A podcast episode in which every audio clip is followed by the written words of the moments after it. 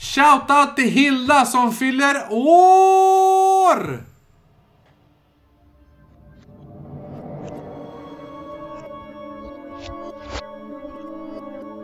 Det är det som är så kul, för i början så fanns det typ inget intro, utan vi pratade bara. Eller du och Frida pratar och så typ så här fejdar in. Och så börjar det bara podden. Jo, sen kom det, det jag kommer säga nu. Att du lyssnar på Oknytt. Det här är en eh, norrländsk humorpodd. Där jag, Kristoffer Blodsugaren Jonsson och Marcus... Nu höll jag på att säga någon annan sugare. Avsugare. Men... men eh, Du får säga det. nej, men eh, Marcus Paul... Polen! Polen Österström Yes. pratar, eh, vad heter det nu, läskiga historier och eh, dricker ädla drycker.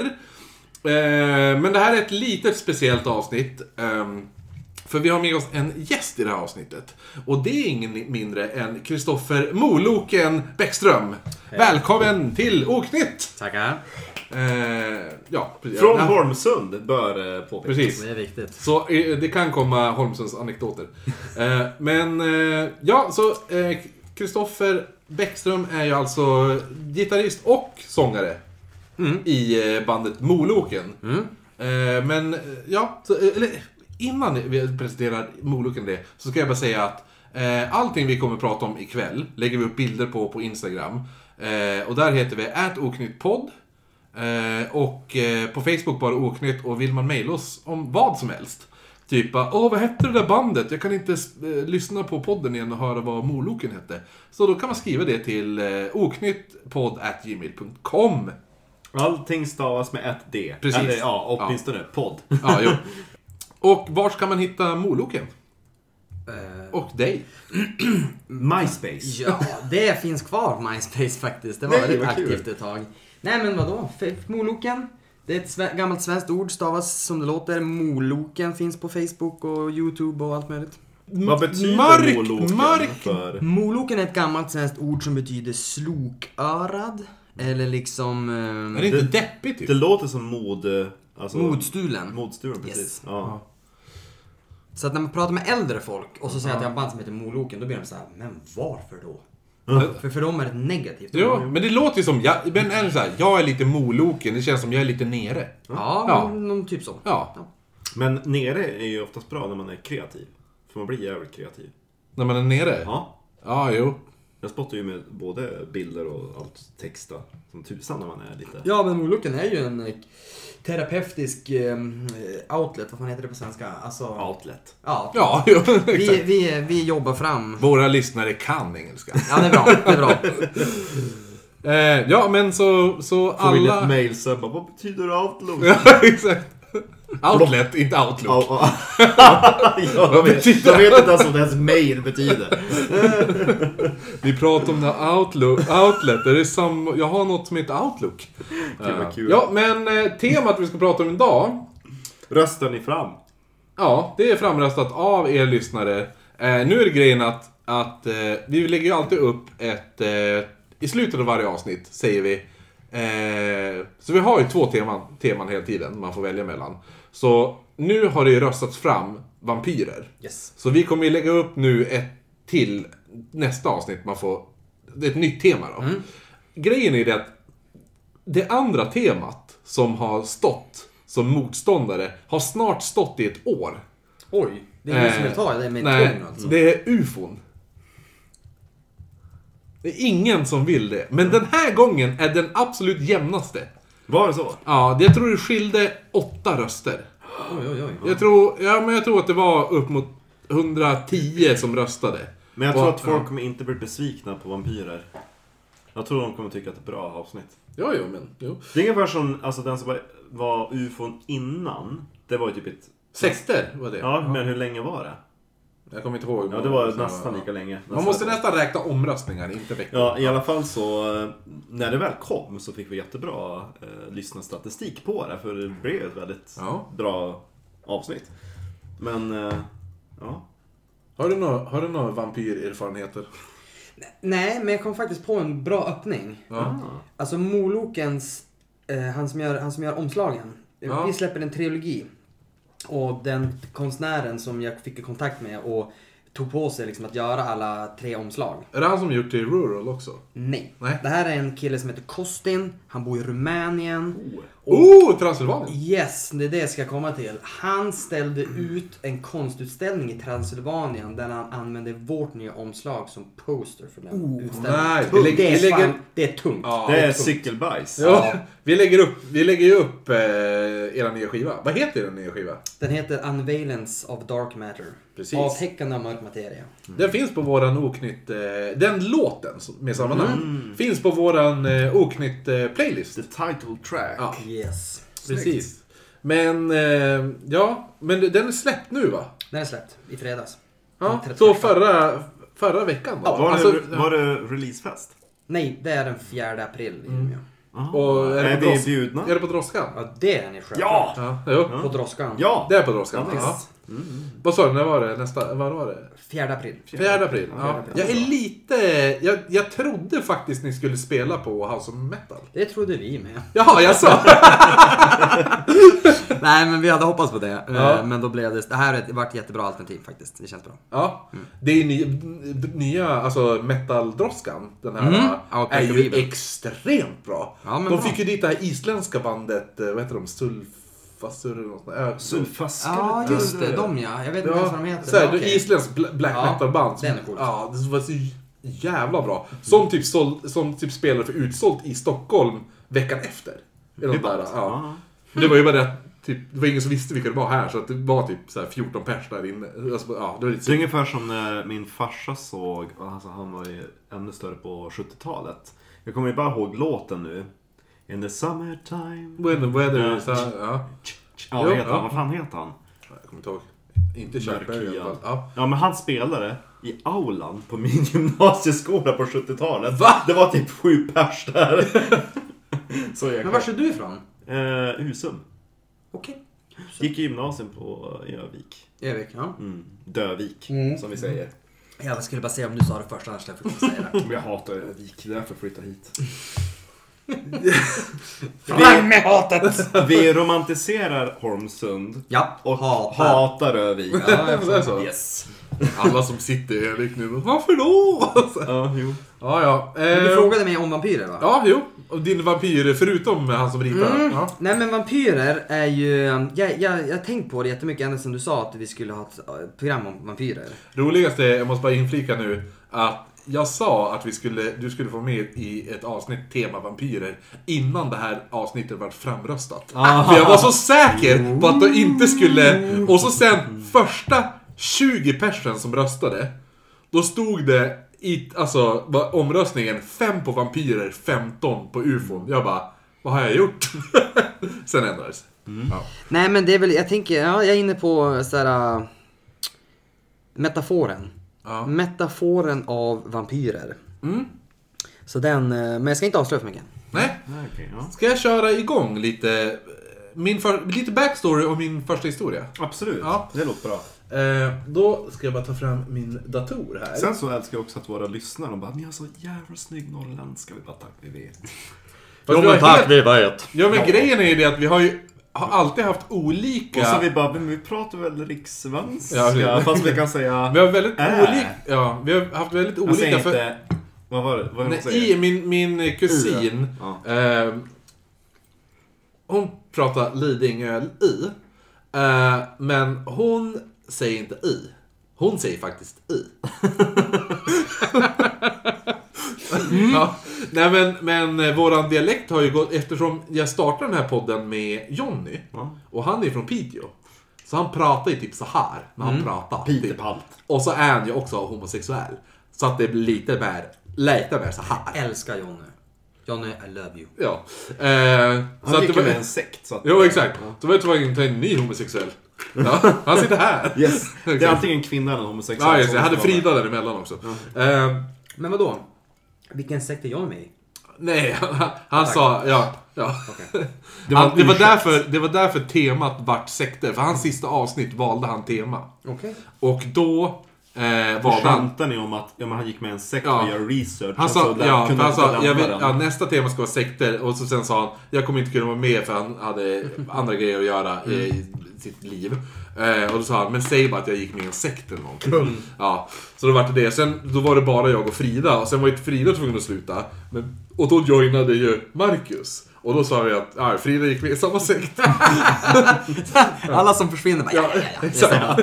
Det är inte jag som har mördat någon. Nej. Nej. De headhuntar från den här podden till den där sekten uppenbarligen. Eh, Frida hon, eh, hon lever och mår bra i... Vi, eh, vi såg Fridas mamma idag! Fridas Ja! mamma Pierre! Ja! Måste shout-outa Shout-out också till till... Nej, till hon tanten. Ja, Ingegärd på Ikea. Mm. När ska vi ta den anekdoten? För det blev inte hel kväll. Det kanske kommer sen. Ja, skitsamma. Eh, men, det, ja, men det kom ju i videon. Ja, men vi pratar inte om Ingegärd då. Men, nej men vi ska, inte prata om henne. Vi ska prata om vampyrer. Ja, ja. Så jag tänkte först bara berätta lite smått grundgrejer här. Eh, till den mest kända vampyren av dem alla. Som, Dracula. ja, precis. Den person ur verkligheten som förknippas med vampyrmytologin. Det finns ju en stor vampyrmytologi, men det är den som är förknippad till verkligheten då i alla fall. Eh, och det var Vlad den tredje av Valaket, säger man. Eller på engelska hade det varit Valakian eller något sånt där, tror jag. Eh, han var även känd som Vlad Tepes, men också känd som Vlad the Impaler. Tepes Ja, är väl spjutet eller pålen? Ja, jag tror det är något sånt där. Eh, men han styrde mellan åren 1456 till 1462. Ett litet rike i nuvarande Rumänien då, som vi pratade om tidigare. Som, hette, som hette då Valakiet.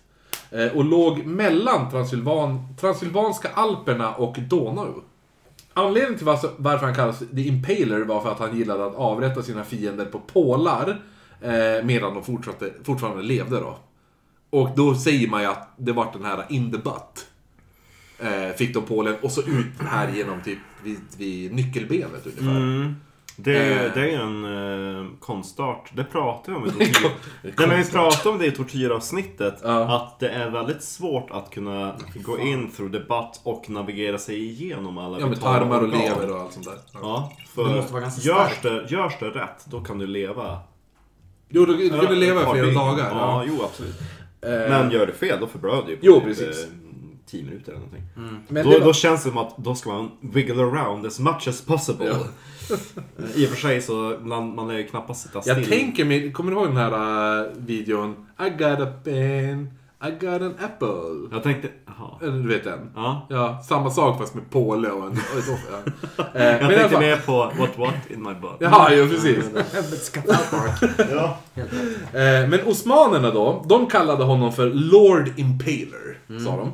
Eh, efter att de har trätt in i, i hans rike då och hittat vad de beskrev som en skog. Eh, men träden bestod då av upppålade människor. Men det var ju propaganda för att han tänkte, jag vill inte strida mot mina fiender. Nej, det är ju skrämseltaktik. Ja, ja, absolut. Så då är det ju, då, då, då är det bättre av Jo, men vad är det för människa som gör det? Ska vi ha skrämseltaktik? Ja, men säg att du har gjort det här. Vadå säg? Jag gör det. Jo men det är verkligen Det är på den tiden då man verkligen gjorde skillnad på folk och folk. Ja, ja. De var ju bara, men de är ju idioter och lägre stående människor. Det, de ska vi ändå ha avrättat så att det är bra om de kan komma till nytta. Men eh, eh, både Vlad Tepes och hans far tillhörde ett ordenssällskap då, som kallades för Drakens orden. Oho, Drakurla. Vars huvuduppgift var att skydda det kristna Europa från det Osmanska riket. Det var lustigt med att det är kristna i Europa. Alltså, Ja. Vampyrer! Jo. Och Vlads far då, Vlad den andra, han var känd som Vlad Dracul. Mm. Som ungefär betyder Vlad draken, eller draken Vlad då. Ja. Och när Vlad den tredje då tog över napp, nappen, tog över makten, så fick han namnet Vlad drakens son, som vilket då är Vad Draculia. Ah. Eh, som, eller son, ja, ja Dracul, Dracul och Draculia, då blir det son av typ. Eh, som då all, eh, alla vet blev basen till Bram Stokers oförglömliga vampyr. Eh, Har ni läst Dracula? jag har läst Dracula. Ja. Ja, flera gånger. Samma. Jag älskar, eh, vad heter det nu? Men Den, det finns några böcker jag läser hela tiden om och om igen. Dracula och Skriet från vild- vildmarken. De två. Mm. Jag kan läsa dem hur många gånger som helst. Jag läser allt om, obviously, Harry Potter. Ja. Robinson Crusoe. Uh, vilka mer är det? Men jag, Dracula var länge sedan jag läste om faktiskt. Men det som jag tycker är så kul där är att den ligger på gränsen till typ modern vetenskap. Mm. Den ligger liksom och pendlar. För det är ju när, vad heter hon, Miss, är det Miss Haka? Ja. Då hon börjar falla offer för Dracula. Och de kommer att ta hennes blod. För då gör de en blod, eh, vad heter det, blodtrans... Eh, Ja, jo, med typ, ja, blodtrans... Fusion. Ja, Ja. säga transplantation är det inte Ja, alls. nej. Nej, för man planterar in någonting, man gör en fusion. Och då pratar de, alltså det är ju väldigt, det är väldigt modernt, för det är utspelar sig 1840-50 eller Ja. Så de har ingen koll på blodgrupper, vilket är jättelustigt för det är, annars skulle alltså, det måste Jo, vara jo. en blodgrupp. Utan det de går på, det är, det är typ så här, det är typ någon, eh, jag tror att det är doktorn eller någonting som bara Men ta mitt blod! Och han är typ så här 70, de bara nej, vi behöver en stark ynglings Ja, blod. precis. vi tar...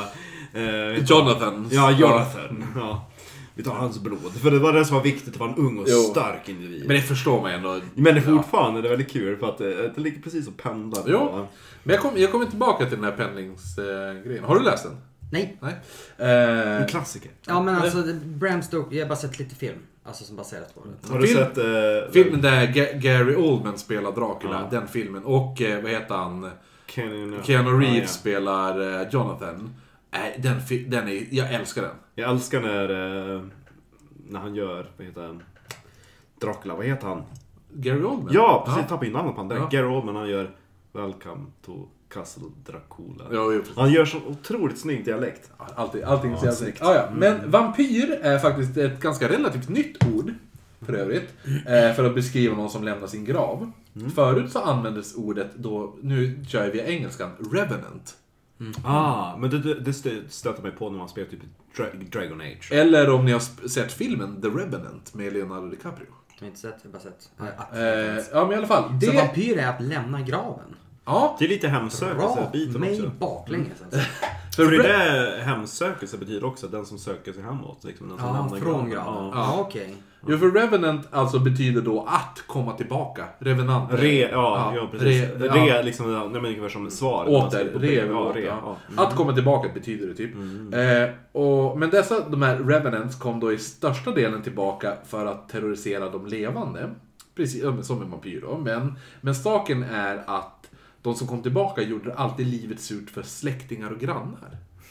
Det är så det börjar. Så man ska vara snäll med sina släktingar som Nej. lever? Nej, okej. Det är inte ens det. Nej, de bara var bitch.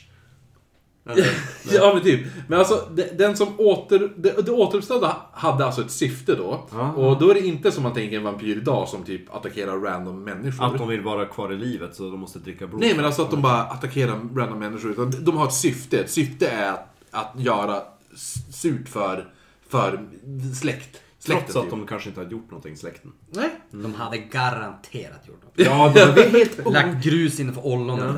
Oh, vi är helt oskyldiga. Som Kellogg's gjorde. Grus ja men eh, flingorna Kell, Kellogg's skapades ju för att få folk att sluta onanera.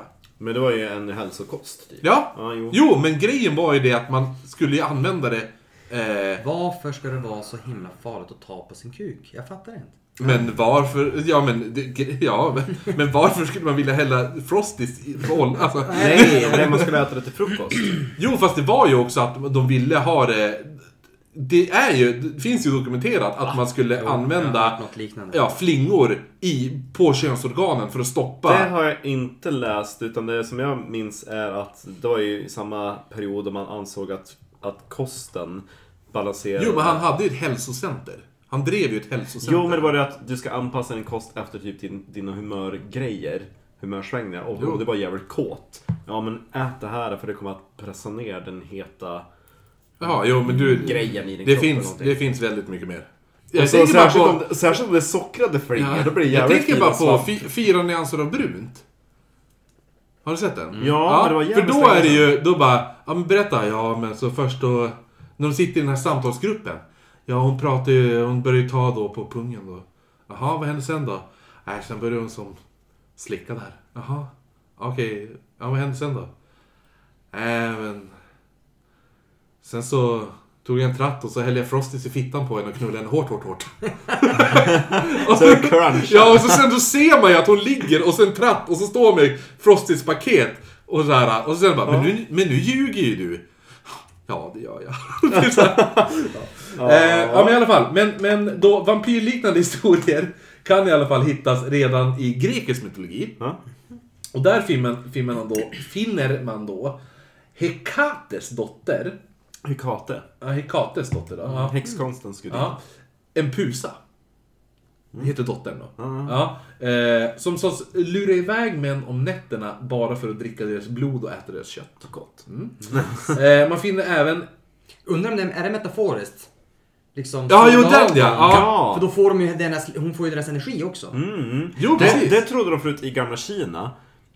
När de hade sex, att, att livskraften typ hos mannen och styrkan satt ju i, i Ja, sperman. så att om man hade sex med en kvinna då gällde liksom att komma så nära utlösning men inte komma för då stal hon ju din livsenergi. Utan Mm. det var liksom bara kom i henne så få jävla gånger som möjligt. Som... Så ska ni ha ett eh, barn? Det finns, jag har, jag har en kompis som har gett mig ett orgasmschema. Jaha. Är det så? Men det här är, det, det, det du säger, det är aktivt än idag. Finns det. Ja, men det gjorde ju, det gjorde du ju lämnar Choco. ifrån dig en, en livsenergi. Ja. Så, ja, man, varför, varför kan män få Ja. ångest efter ut- utlösningen? Think about it. Men, f- eh, ja, spä- vad var det för, vad är det för schema? Prata Schemat är... Patreon!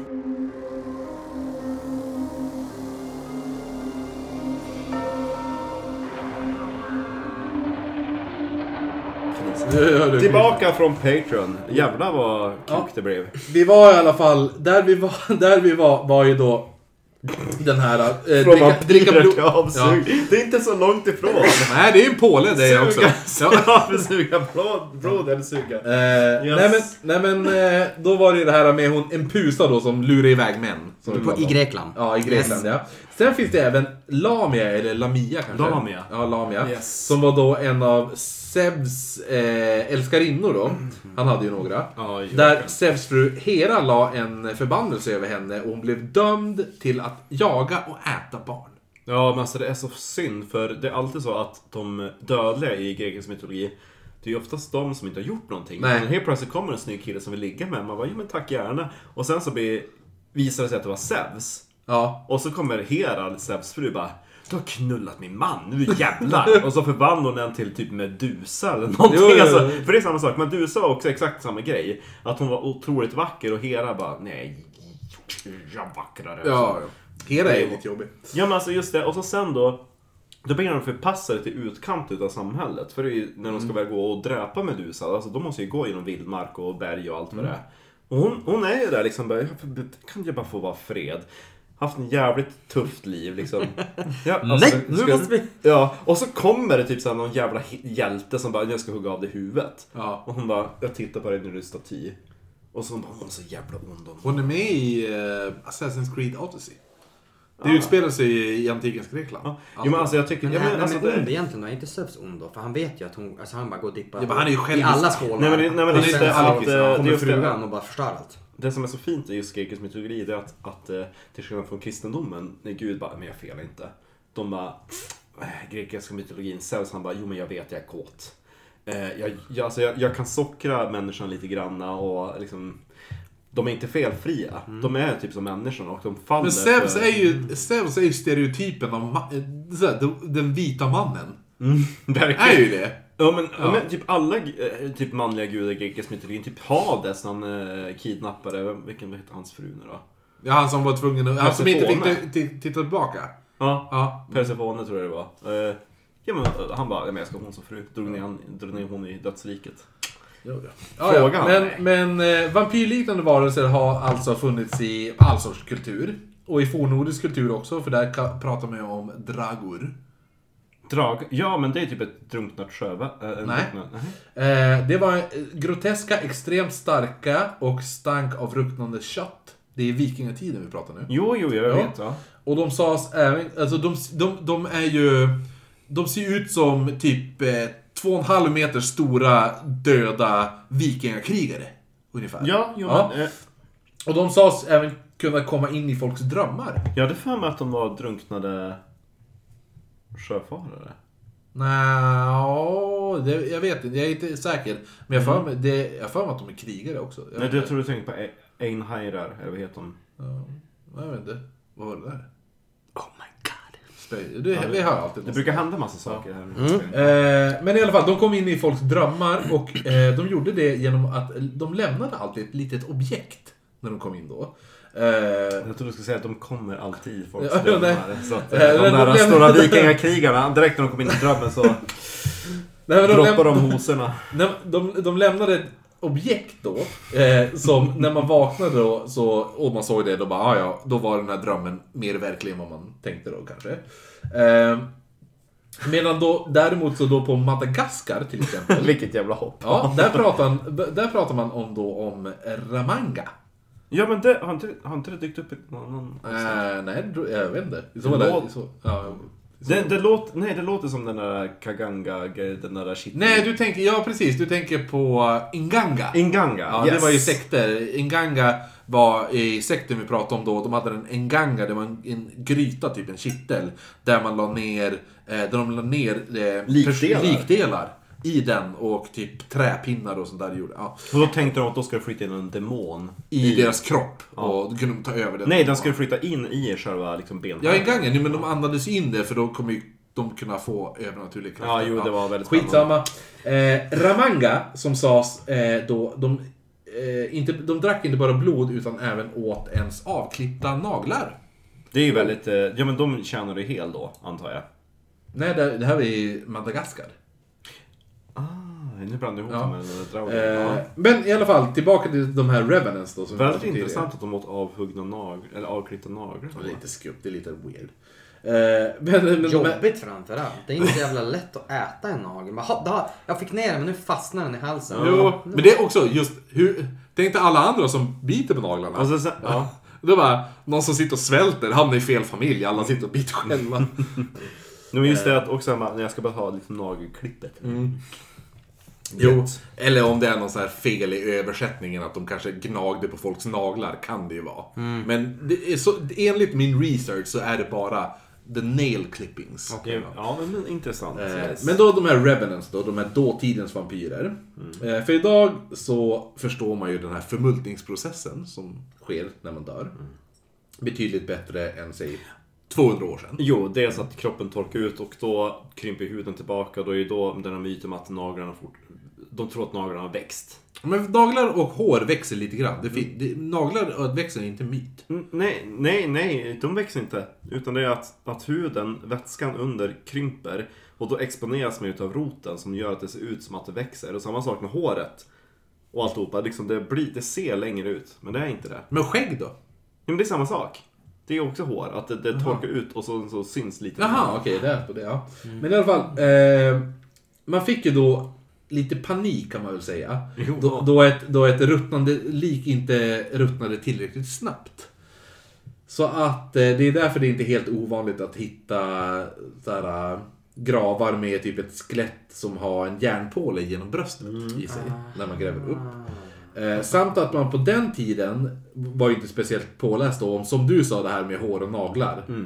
Eh, och för att eftersom, eh, efter att man har dött, vilket då eh, mer ansågs som ett bevis på eh, att man var en vampyr, när man öppnade upp graven. Och så såg man då, till exempel som du säger, att naglarna såg längre ut, håret såg längre ut och man fått lite skäggväxt. De lever, de lever. Ja, exakt. Då, då är det så här.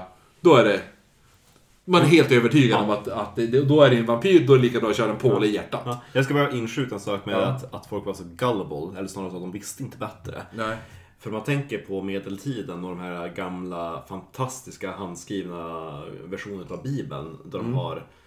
Som Kodas, heter- kodas nej, när de, har, när de har illuminated writing. Ja. Så att de har fällt in bradguld och sådana saker i texten. Så tar man en sån bibel uppslagen i kyrkan. Det är bara levande ljus överallt. Och då reflekteras det ljuset i guldskriften. Då tror ju de som inte kan det där med hur ljus reflekteras och sådana saker. Alltså de tolkar det som att det är texten, alltså Guds ord som lyser Jaha. därifrån. Ja. Ja, det, kan, det Det köper jag. Ja. Ja. Eh, Men varför skulle man då vilja öppna upp en sån här Ja, grav? det är det första jag tänker. Varför var alla så kåta på att öppna gravar? Ja, det- Har- Är det en vampyr? Är det en vampyr? Jag måste öppna och kolla. Bara ta det lugnt. Gå vidare. Fan, ät mat eller någonting. Men är inte lite coolt ändå för eh, när jag var på Holmön, när jag var på klassresan i sexan, då, då gick jag och en klasskompis, vi gick vi till båtmuseet och frågade om vi fick låna en spade och leta efter ryssgravar. så att det är lite grann så att, är inte det coolt att hitta en dödskalle? Jo. Men samtidigt på den, den, den tiden, åter tillbaka till det uttrycket, då var det ju också så att du ska inte störa någon som ligger i sin grav. Nej, precis. Så att- Det gjorde man. Ja, Men, och anledningen då som jag kommer till nu är ju, dels är ju sjukdom. En stor som jag kommer komma tillbaka till. Eh, om en sjukdom som till exempel tuberkulos började sprida sig så var sannolikheten att hitta en vampyr som låg bakom den här tuberkulosen var väldigt stor, tänkte man då. Eh, men då trodde man också, det finns en till grej. Eh, alltså, jag kommer till tu- tuberkulosgrejen lite Ja. senare. Men den andra anledningen var att för att ganska precis 200 år sedan så spreds en fobi över Europa som heter tafobi. Alltså rädslan av att bli levande begravd. Ja, jo men det var ju också under eh, lite grann det levde ju kvar ändå in på viktorianska tiden att när man begravde så installerade man ju också en klocka som man kunde sitta Jo och- men det här är ju det, den tiden. Två, Det är ungefär 200, 200 år sedan. då vi var 1820. Då levde inte drottning Victoria. Nej men jag menar, den här tiden, eh, ja men vadå, när levde hon då? Hon föddes typ 1845. Nej, undrar om hon kröntes 1846. Ja, men, ja, jo, men den här, ungefär 200 år sedan. Anyway. Eh, petitesser. Eh, men för det är 200 år sedan och så framåt, för det är när levde Alfred, Alfred Nobel? Jag måste berätta en, en det här får bli en Patreon! Patreon, Kort, så avbryt inte.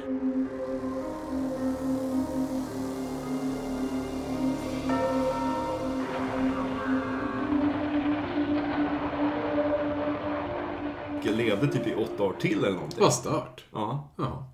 Tillbaka från Patreon. Ja, eh, men i alla fall. Ja, men som jag sa det här, men det är likadant med Alfred Nobel, för han hade ju den här fobin också. Eh, och han... Att fobin för att bli levande begravd. Ja. Eh, han hade den här fobin att bli levande begravd var ju... För Alfred Nobel- hade ju lagt in i sitt, så här, si- sina, sitt sista Testament. testamente typ så här. När jag dör så ska mina handleder bli uppskurna och halsen avskuren. Så man är säker på att Ja, för han var så rädd över att bli levande begravd.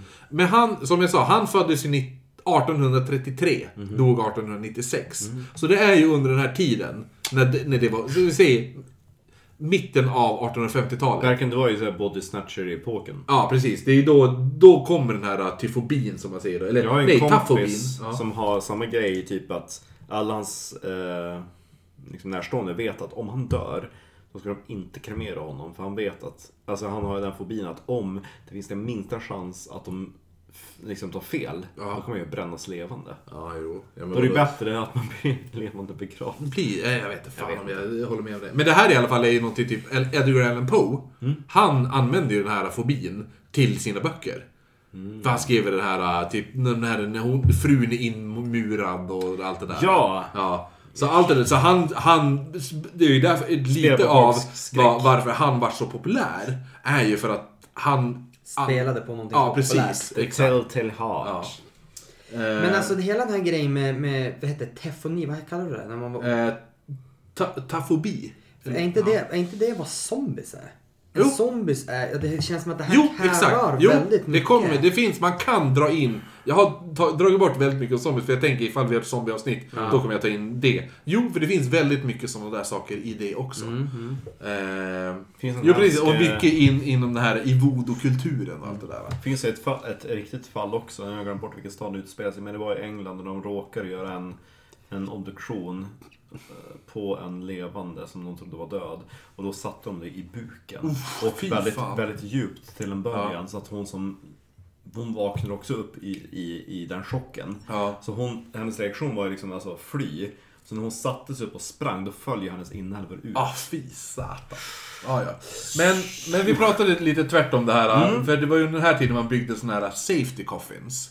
Mm, med den alltså, lilla precis. Yes. Eh, för det var ju inte en helt orimlig rädsla heller. Nej, nej. Alltså, för på den här tiden skulle jag inte säga att det var en fobi, för fobi är ju orimlig rädsla. Typ att jag vågar inte simma i Lövesundet i Holmsund. För jag tror att en haj kommer bita mig i foten. Eh, det är en orimlig rädsla för att, ja. Eh, men just för att en av anledningarna till detta är att jättemånga läkare under den här tiden var alkade. Eh, så att, så att de, var, de gjorde jättelätt misstag. Men just det att också att om man har extremt svag puls Ja. och man har väldigt svag liksom andhämtning. Även om man kör den där klassikern att man lägger en spegel mot näsa och mun. Ja. Det kan vara så pass svagt Jo, det jo, jo. syns inte. Så att man hade så extremt dåliga metoder på att kolla om folk var vid liv. Så att det, Ja. ja. Eh, Men en av de här i alla fall som, som designade en sån här kista hette Dr. Gustav Gutsmuth. Gustav. Eh. Eh, han gjorde en kista åt sig själv som man även testade då. Då han låg i en kista i några timmade, timmar. Eh, och han hade även en liten sån här mattub ner. Så folk, folk kunde gå ner och skicka ner mat till han. Så han åt den dagen han låg där i sina timmar, om vi säger åtta timmar då. Så åt han soppa, korv och drack jättemycket öl. Men soppa för fan vad någt. Liksom bara... Ja, men du, skulle, kan ju inte trycka ner en jävla Subway-macka. Nej men vad kul liksom bara. Det kommer soppa nu gapa! Ja. Och så bara häller de ner så här kokande Ja, jag, ja. soppa i Det kanske var någon kall soppa. Eller det kommer förbi en hemlös och pissar i den där tratten. Jo men ja, det var det jag tänkte. Alltså, det, det enda jag tänker är att ifall du har en tratt och någon bara, jag lägger mig här, det finns en mattub. Hur många går inte och pissar i den? Eller hur? Ja. Det var det vi pratade om i... Någonting i fängelserna gjorde man ju så i Storbritannien. Jo, jo, det. För då- var det så här, det enda fångarna fick äta var det folk Allmosor. kastade ner. Ja, allmosor. som Folk på gatan kastade med. Och det var ju jättevanligt att folk gick och typ pissade ner då. Och sånt där. Eh, För man ja, vet ja. ju att där nere sitter ju någon som är typ dömd till döden Ja. och har gjort någonting så är det lika bra att pissa på dem. Helt En, rätt. en annan variant var ju då att ha en glasruta ovanför ansiktet. Så man kunde se om man levde. Så att folk kunde gå och Jag tror jag titta. ska säga som, det- som man kunde se om det var någonting som man ville ha. Nej. Man har glasrutor bara. Nej, den där maten såg äcklig ut på... Nej, men alltså på, på kistan i ansiktet. ja, men typ i tratten. Ja, Nej, nej, nej. det Men, eh, det, kan en- man, det kan man dra och släppa ner maten om man vill ha den. En som hade en sån här kista var en Dr. Timothy Smith från New Haven. Eh, dock dog han på riktigt. Eh, så det enda man såg var hans, sak- eh, alltså hans ansikte som då sakta men säkert förruttnade. Vad mysigt. Eh, jo, så att eh, det funkade ju, kan man ju säga då. Eh, men tillbaka då nu, som jag sa, tuberkulosgrejen där. Eh, varför den här sjukdomen är kopplad till vampyrer. Så ska vi nu över till 1800-talets New England. Jag tror du skulle säga, så ska vi nu över till professorn i... eh, Ja, nej, så ringer vi upp honom. Ja. Och då vad som kallas den stora vampyrpaniken. Åh, det låter roligt. För då, där finner vi en kvinna som heter Lena Mercy Brown. Låter lite grann som det där Lamia-ordet. Ja. Vad Fast sa hon heter Lena. Lena. Jaha, Ja. Le- du sa Lena. Jag tänkte Ja men Lena. Lena, men hon är, ja men jag tänker, ja men Lena då. Ja, men som hon men, jobb. Lena, men hon heter Mercy, Mercy Brown, hette hon inte. Ah, ja, ja, ja, yes, men yes. Lena Brown. Mercy Brown var en ung kvinna som bodde i Exeter i Rhode Island. Eh, och hon var, ja, hon var en nyckelfigur i hela den här amerikanska vampyrpaniken. Hon bodde då med sina föräldrar och syskon, men 1882 så dör Mercys mamma Mary Eliza i sviten av vad man nu kallar, nej, på vad man den tiden kallade consumption. Konsumtion. Ja. Eh, vilket då är tuberkulos. Ah, ja. Eh, men man sa consumption då den här sjuka som hade det här tuberkulos, s- eh, man tyckte att den personen tynade bort som om att sjukdomen åt upp personen. Ah. Ja. Eh, och då vart då consumed by the disease. Och tuberkulos var även inne i modet på den här tiden, så vilket är ganska skoj. Eh, och det var vanligt att friska kvinnor sminkade sig en aning blekare för att få samma, den här bleka hudtonen som en person som har drabbats av tuberkulos Men vet du varför det var på modet? Nej. Alltså 1800-talet är ju väldigt eh, dödsromantiskt. Dels så var ju, hade vi drottning Victoria som efter sin makes död, när dog ju prins Albert var typ 1860-70. Ja. Hon levde ju typ i, i 30 år efter att hon hade dött. Och hon klädde sig alltid svart. Ja. Och hon var ju en enorm trendsättare som hade andra Aha, okej, royaliteter. Hon gick runt och hade typ sin makes hår i en medaljong och sådana saker. Man blev väldigt dödsbesatt. Och det som var så romantiskt med tuberkulos, det var att man tynade bort långsamt. Man var medveten, Jo, om, precis. Man var medveten om att man dog. Och Ja. därför blev det romantiskt. Så man kunde komma så bara Åh stackars Albert, han håller på att dö. Jo, men och så sa jag man ju... älskar det. Man- Jag kommer sakna dig så mycket när du är död. Ja. Jo, jo men Så det, det, det, det, var, också, det var en ja. trendgrej. Ja. För det var ju också det här, man sa ju... Och, och de drack De drack vinäger, de där Ah, jo, jo, jo. För att huden, de trodde att huden skulle bli mer blek och transparent Ja. utav vinäger. Eh, jo, precis. Men, men och så det roligaste också, som du säger, det här med att det är en sakta framskridande sjukdom. Ja. För det fanns ju två stadier. Det fanns ju de som hade tuberkulos där det var sakta. Mm. Men det fanns ju de som det gick jättesnabbt för också. Och då sa man ju att de som hade den som gick sakta, då, då var det att man hade en, som en sorts snäll död. Mm. För att då hade man tid att göra alla sina sådär, Ärenden ärenden klara, du kan skriva Affärer. ditt testamente och allt det där. Men jag skulle säga att det är en snäll död. Jag skulle gärna vilja ha en utdragen död. jo, jo. Kanske inte... Men, nej, fast jag vet inte om jag... Alltså jag har sett... Jag har jobbat... Jag har sett många personer dö i mina dagar. Mm. Och jag. Jag, jag vill nog ha en... Nej, men så jag har haft... Eh, ja, men alltså fall. farfar dog i knall på fall och mormor hade cancer så hon dog ju väldigt utdraget.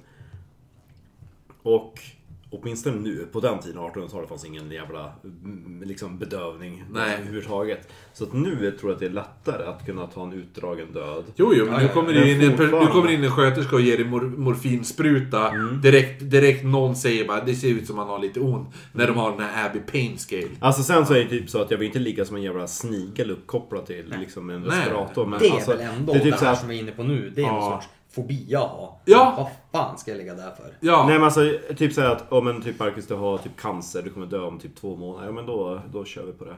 Jo, jo. För då, ja, jag vet inte. Det, ja. Ja. Döden är intressant. Ja, Jo, det är ju- verkligen.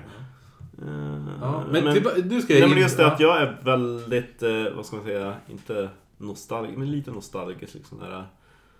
Så att jag skulle nog gärna vilja ha tid på mig att medvetet kunna liksom säga... Men så länge det är vid medvetande och sånt där, att du tynar bort sakta. Men, Ja, Men men jag, fall- jag tar nog gärna. Jag, Ja. jag tradar smärta för att få några veckor på att leva. Eh, för hennes morsa då dog ju då av, av tuberkulos då.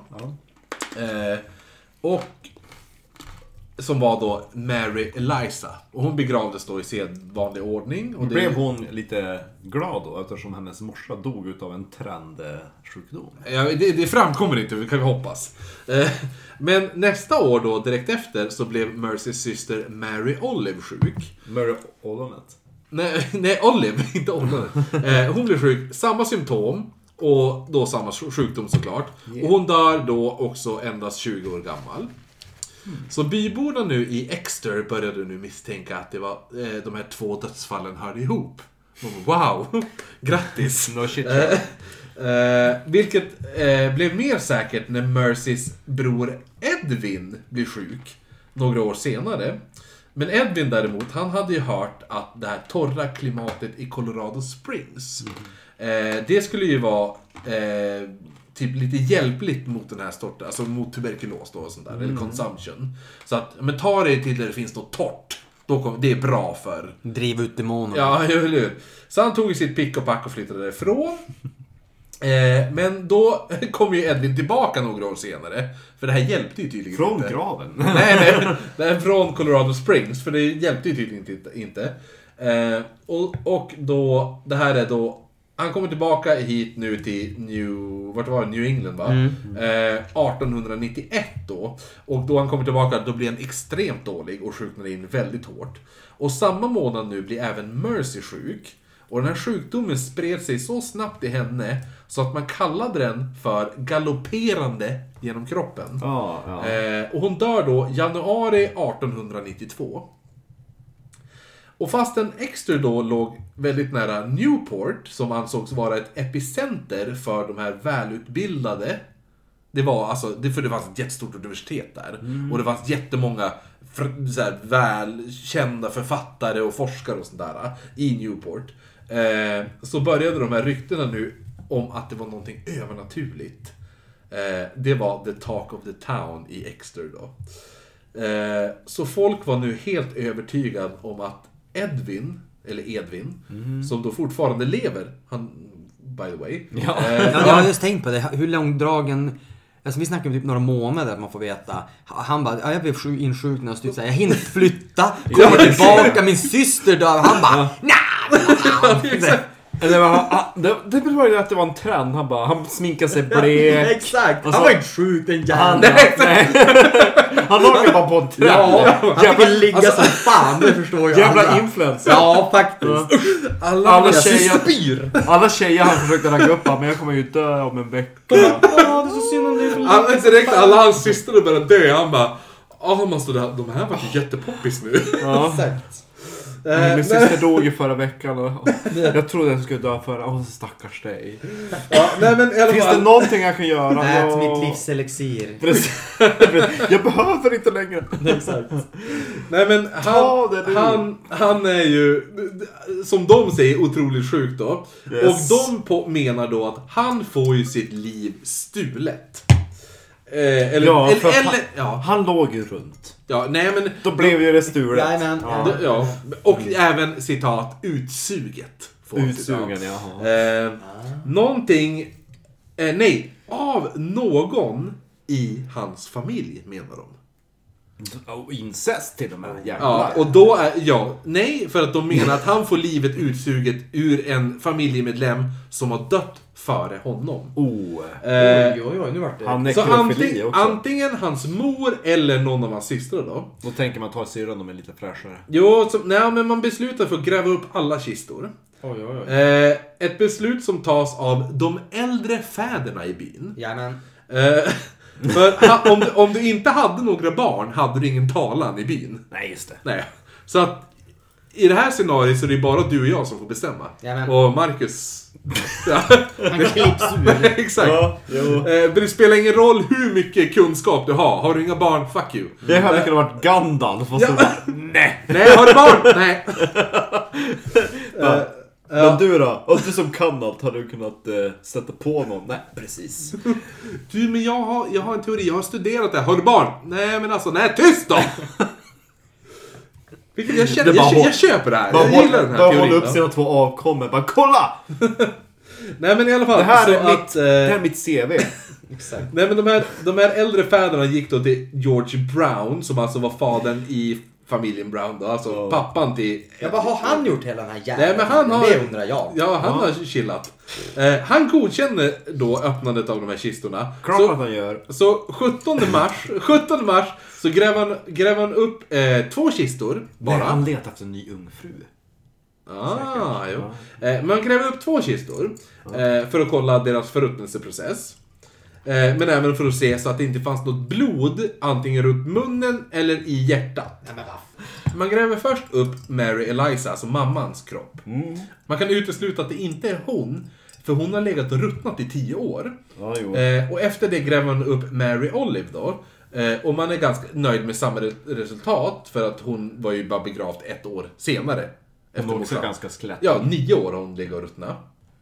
Eh, men när man går in då i det lilla stenhuset där man för, förvarade Mercys kropp, för kommer du ihåg, hon, hon dog ju i januari. Yes. Så du kan inte begrava henne Precis. för marken är fryst. Exakt, hon Så- låg i likboden fortfarande. Ja, så Mercy var nämligen inte begravd, eh, för att hon dog ju då mitt i vintern. Men då måste hon ha frusit. Ja, så att hon har... Hon ligger där alldeles stel. Och så Det här stenhuset finns för övrigt kvar. Vi lägger upp bild på det. Yay. Eh, Det är ett stenhus där hon förvarar, man förvarar kroppen. Och då när man går in där så märker man ju att den här kroppen är väldigt väl bevarad. Ja, men kan inte bero på att hon ligger typ i minus 20 grader? Exakt!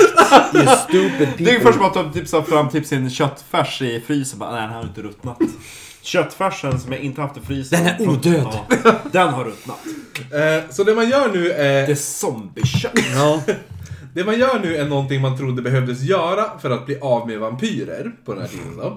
Eh, hade det här varit i Massachusetts så hade man då enligt tradition eh, vänt på kroppen så den låg med ansiktet neråt och då begravt henne så. Ja, för då tror de att, att när, den, när den vaknar i natten bara Åh, nu ska jag gräva mig Ja, upp i... precis. Du gräver Gräver ner va? Ja, Fy Fan vad djupt jag grider.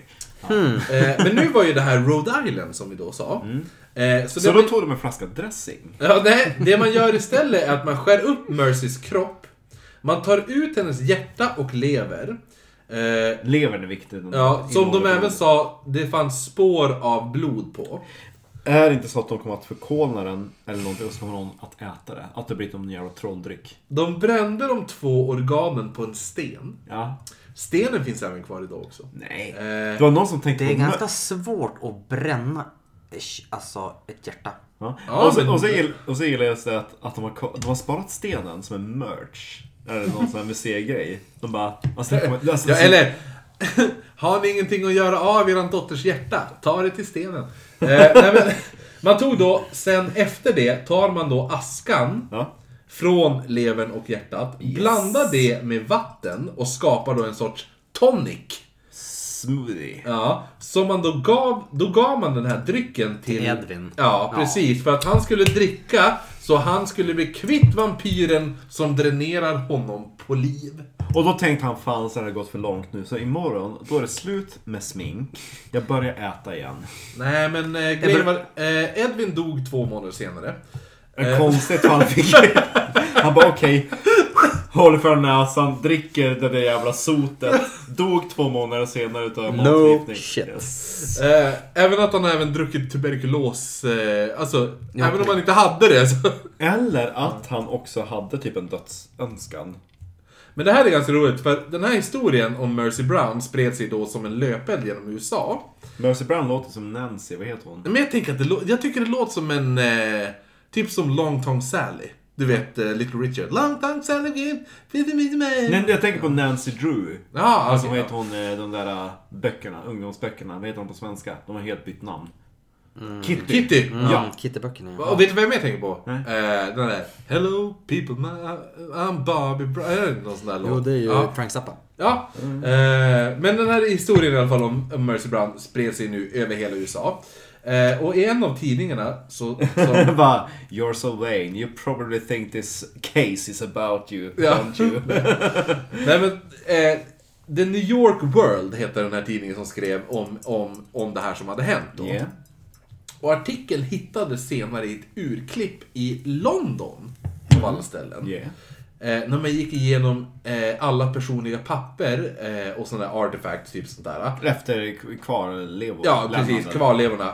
Eh, hos en så kallad som stage manager i London då, som nyss hade dött. För hans teater, som han hade, hade under 1892, när det här då utspelade sig, då hade han varit på turné genom USA. Och han fastnade då vid den här, just den här historien. Så han klippte ut och sparade den här. Så pass mycket att eh, en av, och det, den, här, det här, den här grejen vart en av de största inspirationerna till en bok han skrev fem år senare. Och den här mannen hette Bram Stoker. Oh. Samtidigt som Bram Stoker var inspirerad av ett eh, slott i Skottland.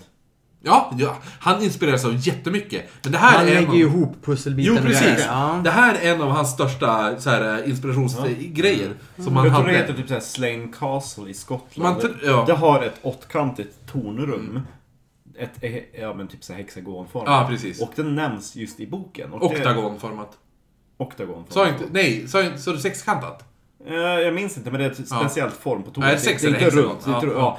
Och den, den formen beskriver han i just eh, Dracula. Så att han har Ja, jo, så här jo. pusslat ihop Jo, men det. han hade jättemycket. Men det här är... Eh, han, han, kunde- han kunde inte hitta på någonting själv, Nej, utan han satt men- och bara... Men han var ju smart. jo, jo. Men eh, för Jag är lysande en, ja, en som han var eh, assistent åt var, hade skrivit en vampyr... Eller hittat på en säga en, en, var vampyrhistoria innan. För eh, Mary Shelley och hennes man och några andra satt ju och hade någon sån här... Eh, typ, eh, de skulle försöka hitta på historier. Det var så här- Syjunta. nej, det var Ja, så här- syjunta med- med ah, ah, historia. ah, ah. Nej, det var så att de var ute på en... eh, Men de var på en fuck party. Nej! Jo. Tyst nu! Får jag ta mina historiska anekdoter. Utan på, den, på Adelsvård på den här tiden. De skulle ju dels skaffa sig en form av grundlig utbildning. Ja. Eller en världsvana. Så det var väldigt vanligt att de gjorde en Grand Tour. Och då gjorde de en sån Grand Tour. Och då fastnade de i en eh, storm. Ett oväder. Någonstans i Centraleuropa. Jo, men de fastnade i Paris. De var ju i Frankrike. Det var ju Ja. Frankrike hon hittade på den historien. Alltså Ja, någonstans Frankrike, i Frankrike, då, Ja. det är Centraleuropa. Eh, då, då var de i alla fall eh, confided to the house. Mm. De hade ingenting att göra. Så då satt, då, då sa de, men alltså vi... Det här kommer jag att härja ett tag. Eh, Vi får på oss till imorgon kväll att skriva ihop en spökhistoria. Den som gör den bästa spökhistorien vinner. Jo, det var ju så. Och då vann ju Mary Shelley. Ja. Och så fanns det ju en annan, annan berömd spökhistoria. Jo, och det var ju, det, var- men en av de som skrev var ju om en vampyr. Ja. Och han som skrev den, Ja. eh, hans assistent var ju, det var ju Bram Stoker som var hans assistent. Så han tog ju mycket av han, det, det, den här historien, jag måste bara säga. Den här historien som jag berättar om nu, är ju det varför man tänker eh, allt det här med unga, vackra kvinnor, starka, alltså så här, eh, vad heter hon, eh, Jonathan Harper. Harpers fru, vad heter hon? Josefin. Nej, heter hon, heter inte Kat- Ja, skitsamma. Men hon eh, kvinnliga huvudrollsinnehavaren. Ja, Ja. inte Miss Hake. Jo, men vad heter hon? Förutom Harker. Men säg bara Hake. Miss Ja, ja. Hake. Jo, men Jonathan Harkers fru, sa jag. Ja, jo men Ja. hon heter ju Miss Hake. Okej. Innan de gifte Hon har sig. ingen förnamn. Fuck her! De gifte Ja. sig inte på en gång, så hon heter ju Miss Hake i typ hela boken. Ja. Eh, men i alla fall, hon, att han har fått inspirationen av... Mercy Brown är inspirationen till henne. Just den här unga, vackra, ja, bla, bla. Ah, ja, men i alla fall. Det, det, var, det var min eh, eh, vampyrhistoria. Sen har jag en, en snabbis sen, men jag tänker ta den i slutet. Men, Ja, eh, jag, jag ska hoppa in men jag ska ta och... men ska vi... Vad har du? Har du något Nej, roligt? men nej, jag är tyst Jag vill, jag vill add on till det ni berättade om Ja. Mary Shelley. Ja. Att de där spökhistorierna som de berättade i sällskapet där, i det huset. Mm. Att det finns ju typ bara två bevarare. Det är ju eh, Frankenstein och typ den där vampyr-spökhistorien. Mm. Så, så finns det inga fler. Så att jag har länge tänkt att om jag ska skriva en spökhistoria i typ såhär, tänk dig såhär klassisk romantisk form. Då tänker jag att början utav den texten ska handla om den kvällen. Liksom att ja, jag får Jaha, uppgift att skriva en spökhistoria.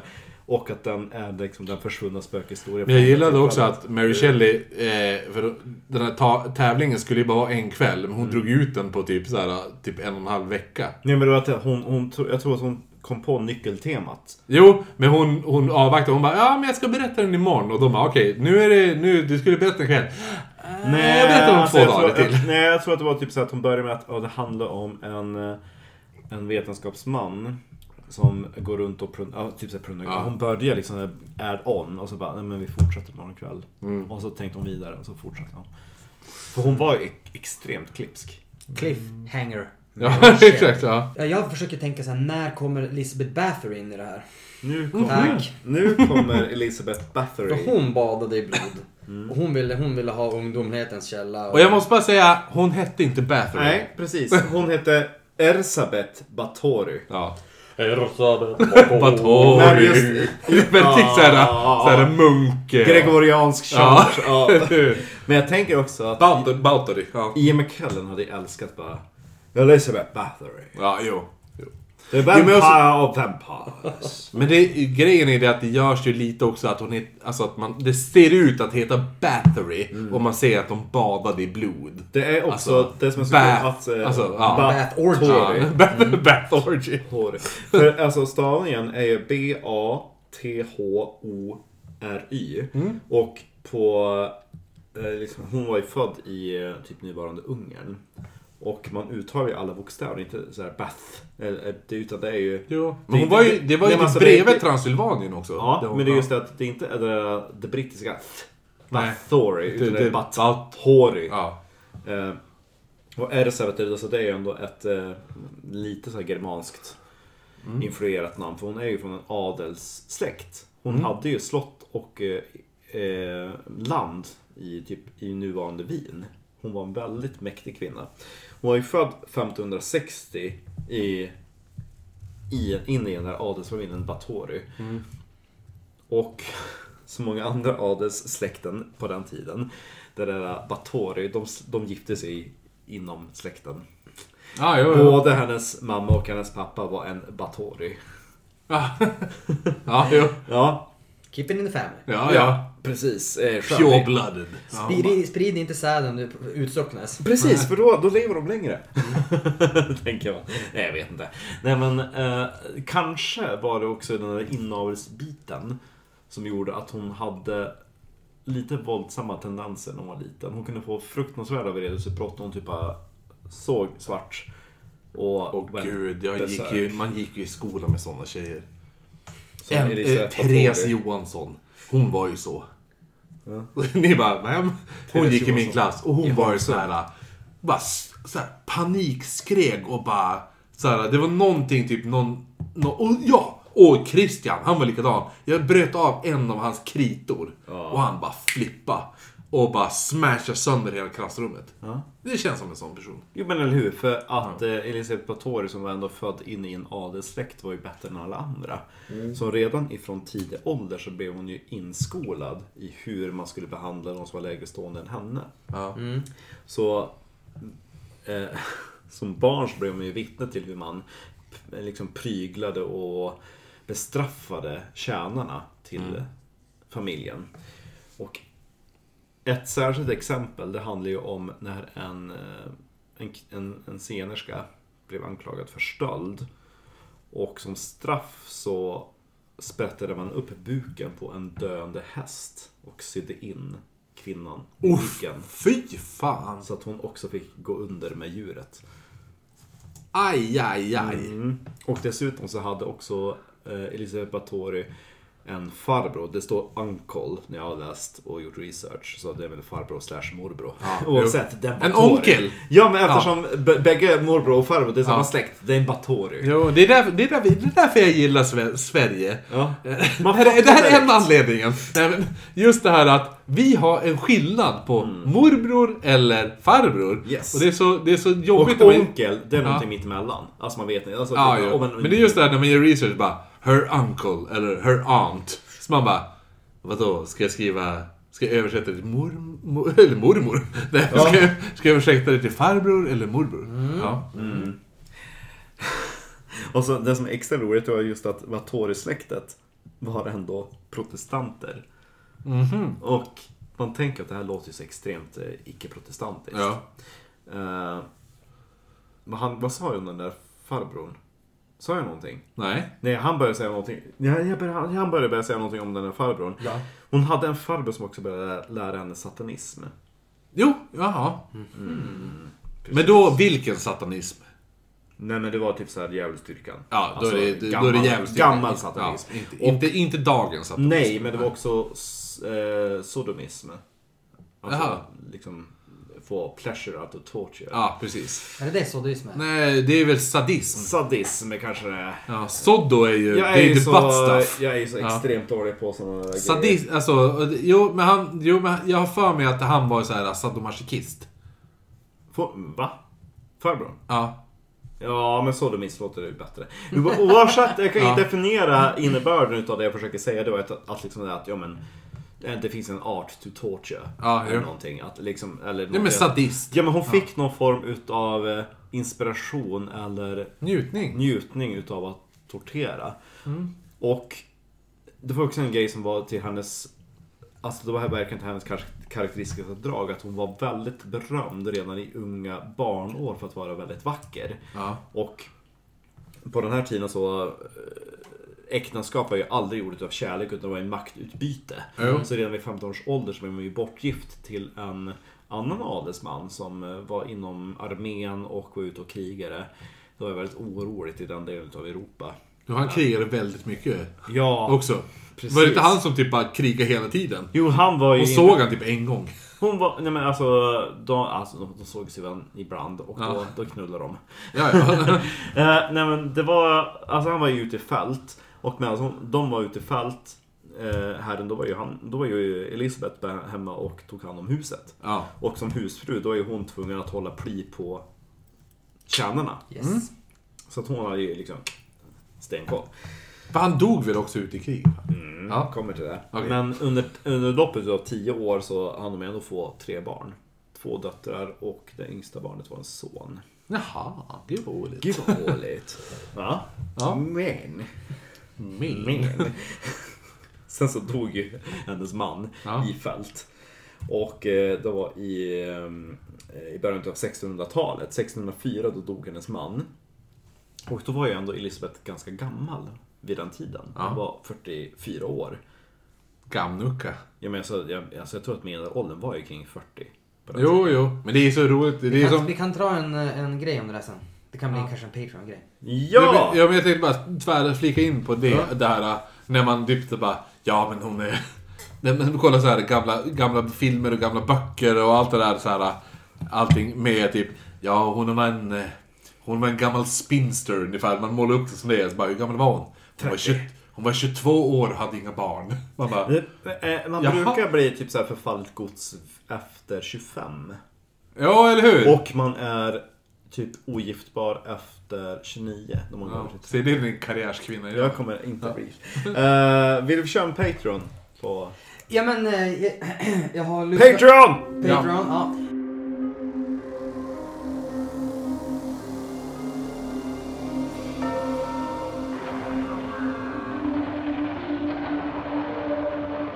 Tillbaka till Elisabeth Báthory. Mm. Hennes man har dött.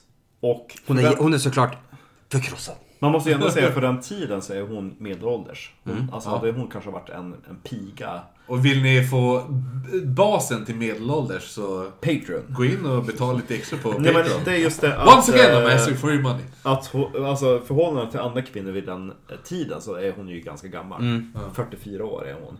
Och hennes, Milf! hennes, hennes berömda skönhet börjar detoriera. Ja, det, det, det här vill komma till nu. Ja. Give me the blood. Nu, nu, nu kommer det. Så en, hon flyttar också, i, alltså när hon, hennes mamma dött, man tänker hon vill ha en ny start. Hon flyttar till ett utav sina slott i nuvarande Slovakien. Slottet eh, Kastiche Castle, alltså det är lite svengelsk Alltså Castiche känns som. Castiche. Castill. så- Som, som slottet, slottet. Kastiche Castle. Som chai-te. Jag kan ju, för att man ska kunna veta vilket slott det är. Ja. Det slottet är slottet i Nosferatu. Aha. Vad kul. Jo men du, på tal om det med Nosferatu-grejen. Ja. Anledningen varför Nosferatu ser ut, alltså Dracula ser ut som hur han ser ut i eh, Nosferatu. Eh, i Nosferatu är ju på grund av tuberkulos. För att folk tynade ju bort. Ja men just att deras Just det här, ja exakt, de tynade bort med naglarna och allt det där. De var, hur, alltså ansiktet sjunkna Ja. in, de vart skrympliga och allt det där. Så att säga- folk såg ju ut som, alltså hur, hur Dracula framställs i Nosferatu. Yes. Det är ju så folk med tuberkulos såg ut på den tiden. Minus Ja. kanske de spetsiga allt Ja, jo, jo, jo, eh, jo. Tänderna. Ja. Jo, men jo, de har gjort För lite övrigt, för övrigt så är ju jag mer rädd för Nosferatu och Dracula än alla andra filmvampyrer som kommer senare. För han ser ju så sk- alltså. Ah, han var skräckenjagad. Och så just det att de har, de har jo. alltså... Just den där... Visst vet du att de ska göra en Nej, men- eh, remake på det? Ja. Ja. jag, är så, jag blir så exalterad av just Nosferatu. Just, Alltså det, det är någonting med gamla filmer, att de fick till effekterna så jävligt bra. Ja. För de kunde ju spela på den kamerans svagheter. Just det att man behöver Jo. enormt mycket ljus för att få upp liksom, kontrasten. Så det som var vitt blev verkligen vitt. Jo, så då, ju- kunde man, då kunde man ju förlänga hans fingrar väldigt lätt med en liten Men de tog ju bort, de, det var ju så de gjorde, de tog ju bort ett filter på, på vad heter det nu, eh, projektorn. Kunde de göra.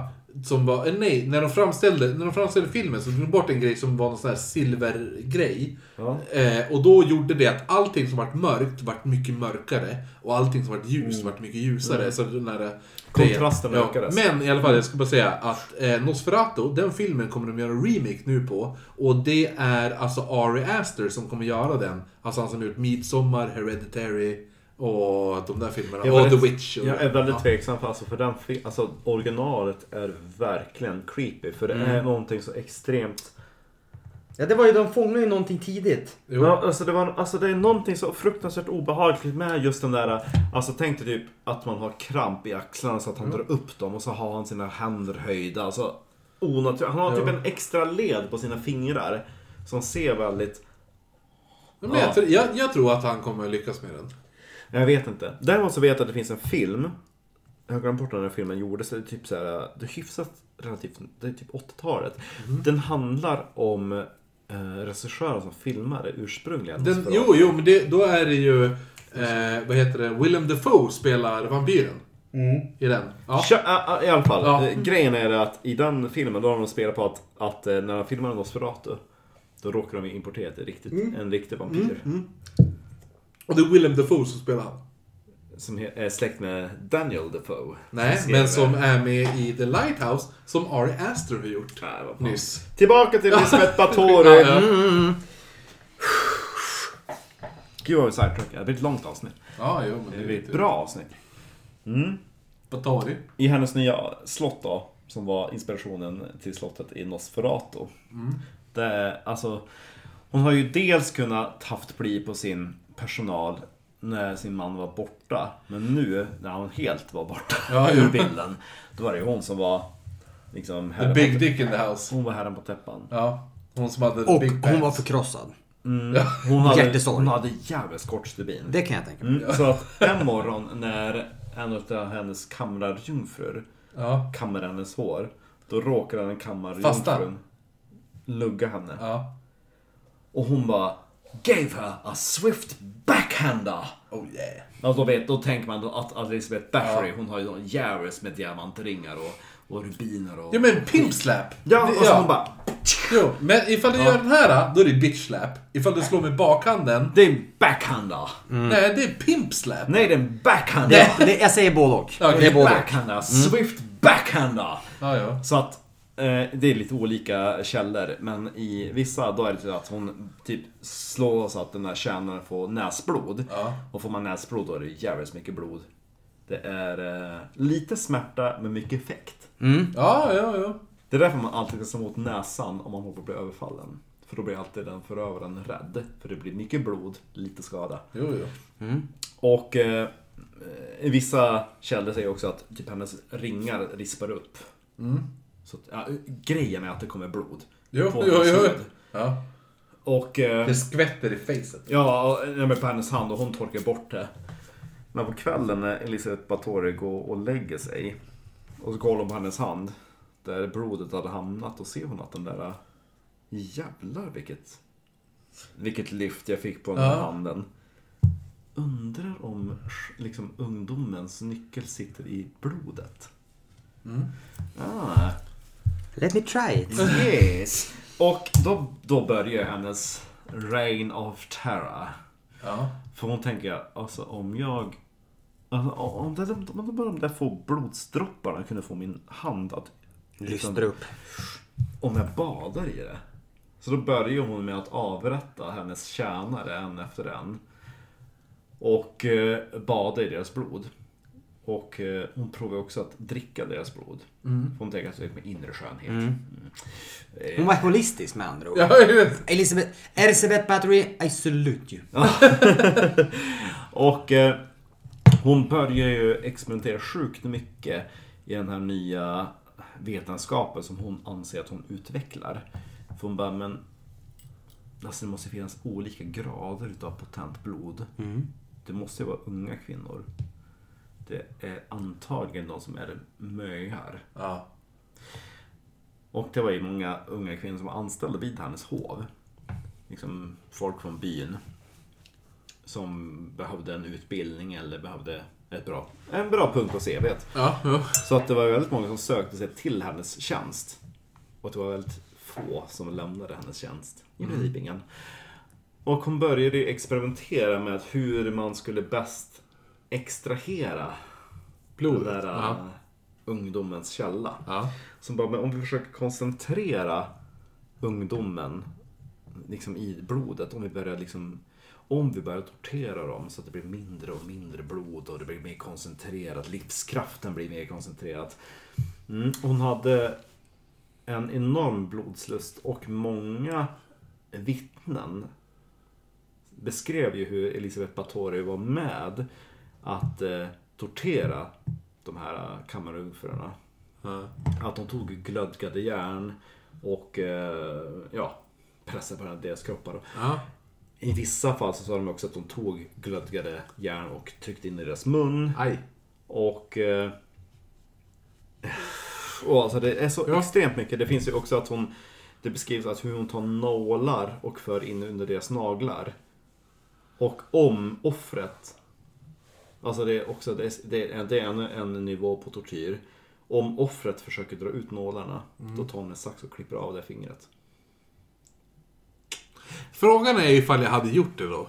Mm. Alltså, Jag tror att du fattar vad den gör. ja, Alltså, jo, är jo, jo. jävligt- Men, men grejen är att det, und- alltså, det känns nästan skönt att bli av med fingret i så fall. Naglar är någon... Jag har jävligt svårt för naglar. Jag vet ju också att det är en klassisk... Men grejen är väl... Det är också en hax, eh, klassisk häx... Eh, tortyr. Att när man kör in nålar under Jo, jo, jo, precis. Och bara, bara att man hotar med det, då brukar folk avslöja, men jag är häxa. Jag har, jag har knullat med djävulen, Ja, alltihop, ja. vad som helst bara jag inte får nå, liksom nålar inkörda Jo. under mina naglar. Skjuta upp bestraffningen typ. Eller hur? Jag, bara, jag hellre bränd på bål. Ja, men, du, men du, du, du, har ju alltid den här, men jag kanske kan förhandla mig framöver. Jag skjuter upp det några dagar. Ja. Precis. Eh, men, men, men jag har för mig att det här, jag tror jag pratade om det tidigare, det här, eh, hennes farbror där. Som lärde henne satanism. Ja, precis. Och den där sadist-grejen. Att eh, första gången hon riktigt njöt av, av att se eh, Tortyr. tortyr var när han tvingade några betjänter som hade gjort något fel. Ja. Såklart. Betjänter, ni vet. Ja. Eh, då, vad heter det nu? Att han tvingade ut dem. Han täckte dem i honung. Han klädde av dem nakna, täckte dem i honung, la dem i skogen. Mm. Och så lät han dem ligga där. Han bara, nu ligger ni still. Eh, i, eh, tills imorgon. Tills gryningen. För då kommer ju alla kryp, myror och allt det där. Ja. Och de, så att de var ju typ ätna levande nästan av... För ifall de hade ställt sig upp så hade de blivit halshuggna på en gång. För det stod ju folk och vaktade. Och då Ja. fick hon stå och titta på hela tiden. Det beskrivs i, i de här vittnesmålen Ja. Mm. kring Elisabeth Báthory att hon dränkte sina offer i honung och eh, släppte lös dem i typ mursteckar. Ja. Och eh, As you do. hon... Eh, Why not? alltså det var så extremt mycket tortyr som nämns. Alltså är... Det är nästan svårt att lista upp det för det är så många variationer. Ja. I något fall så står det att hon också syr igen munnen.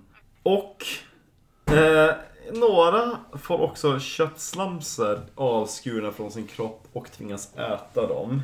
Va? Yes! Och alltihopa, många utav vittnesmålen beskriver hur Elisabeth Báthory var närvarande vid tortyren. Hon var, hon var delaktig i det. Det var inte så att hon bara beordrade folk. Utan hon stod själv med den där tången Ja. och förde in i deras käftar och eh, allt vad det var. Men ibland, om hon var för sjuk för att kunna gå ner till fängelsehålorna, då beordrade, då beordrade hon sina tjänare att föra upp ett offer till hennes säng.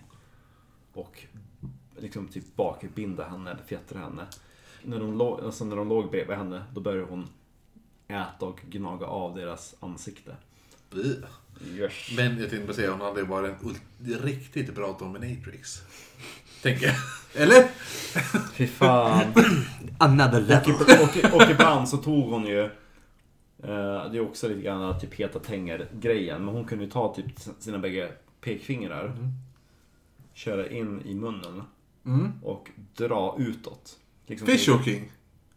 Det heter ju det Ja. i, om du Ja. googlar porr. ah, Okej Då är det fishhooking. Har aldrig, aldrig stött på Ja, det är inte jag heller. Nej, men det är bara Då vet vi någonting om ja. Då Eh, vet ni mer om mig än vad jag vill berätta. Och då Ja. drar hon ju tills mungiporna spricker Jaha, nej, så mycket har jag inte kollat. Men hon, den här kvinnan är ju bokstavligen skvattgalen. Verkligen Kanske i naveln Ja, just det. Ja. Och jag menar, på, hon, hon var ju född 1560. På medeltiden fanns inte så jävligt många att tortera. Och det var just det att hon var på jakt efter unga jungfruar. Och när hon hade avverkat alla unga jungfruar Ja. ifrån bönderna, alltså de lägre ståndarna i samhället. Då vände hon sig mot adeln. Det var ju dumt. Det var det som hennes misstag. Ja. För då i början av 1600-talet då, då lyckades en utav hennes offer att fly och slå larm till kronan. Som eh, alltså direkt skickade dit massa soldater till att genomsöka hennes slott. Ja. Och där då grävde de upp det ena liket efter det andra. Och i, i fängelsehålorna hittade de ju en hel del döda kvinnor och några som fortfarande var vid liv. Och några utav hennes tjänare som fortfarande levde.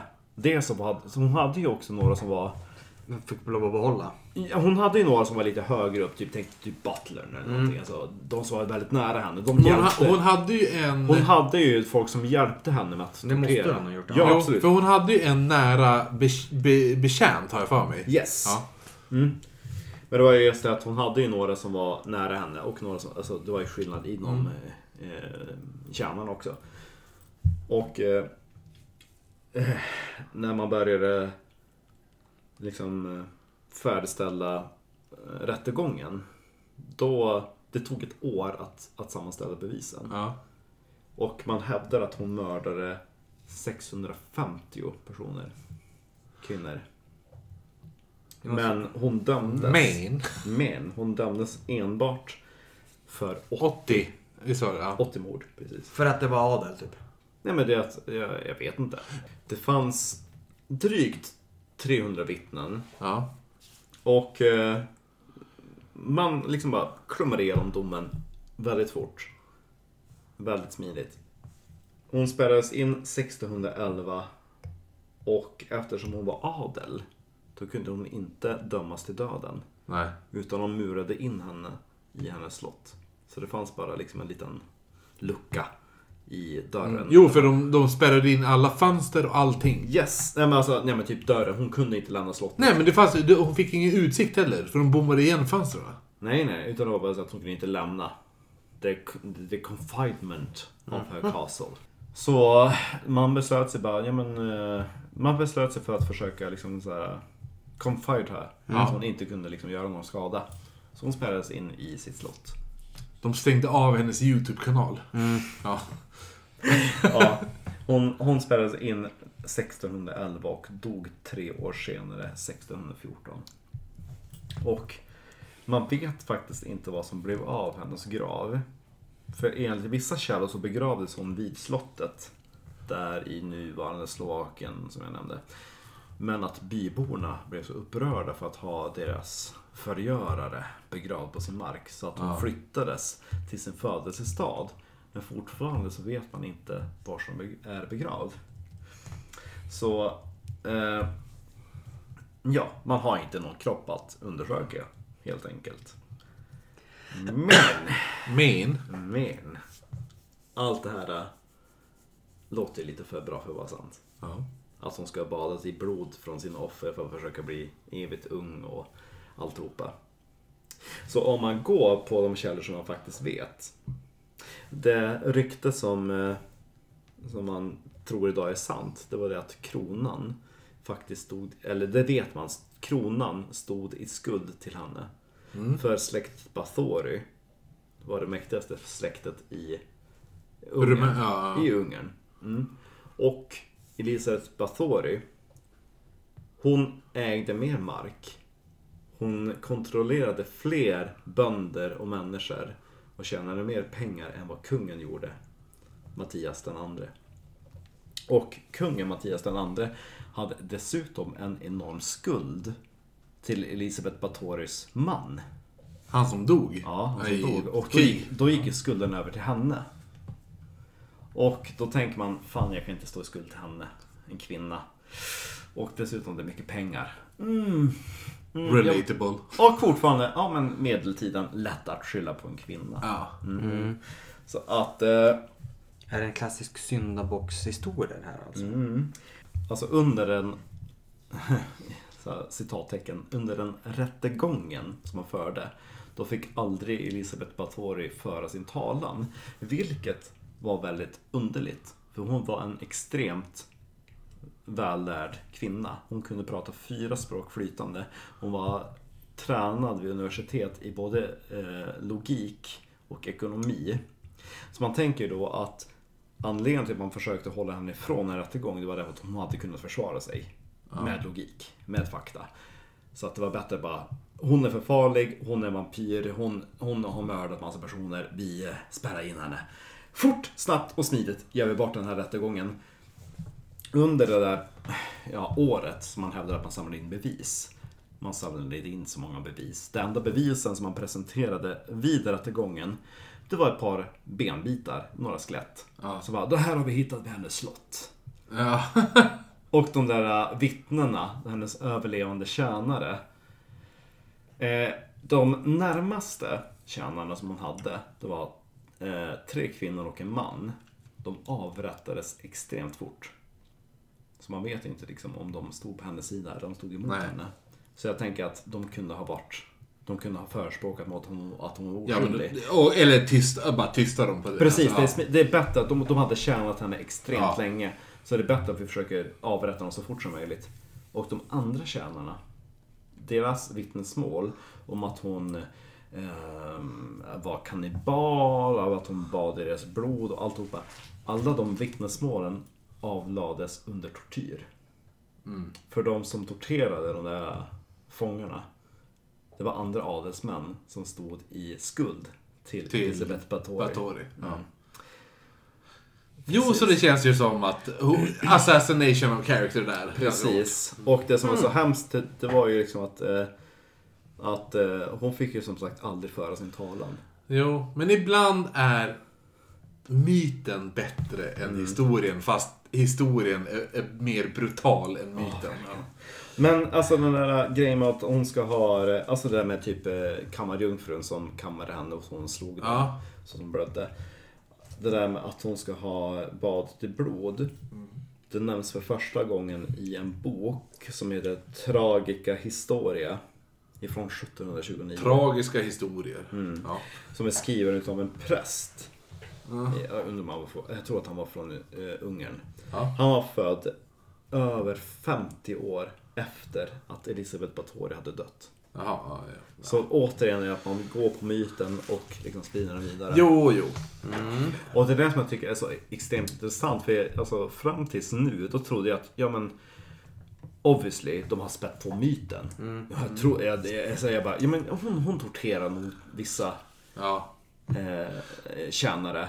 Och eh, många historiker idag på att nej, men alltså, vi, vi har absolut ingenting att gå på. Den enda vittnesmål, vittnesmålen som vi har att gå på det är ju typ han som, alltså det var ju kungen som Ja. stod i skuld till Ja, henne. Hon var mäktigare än honom. Eh, alla som har vittnat mot henne hade någonting att tjäna på. Att hon, att hon Jo. fall from grace. Ja. Så det finns egentligen ingen idag som bara, nej men hon var, alltså allt det där som man hittar på. Sen är det ju också att just att hela den här myten. Mm.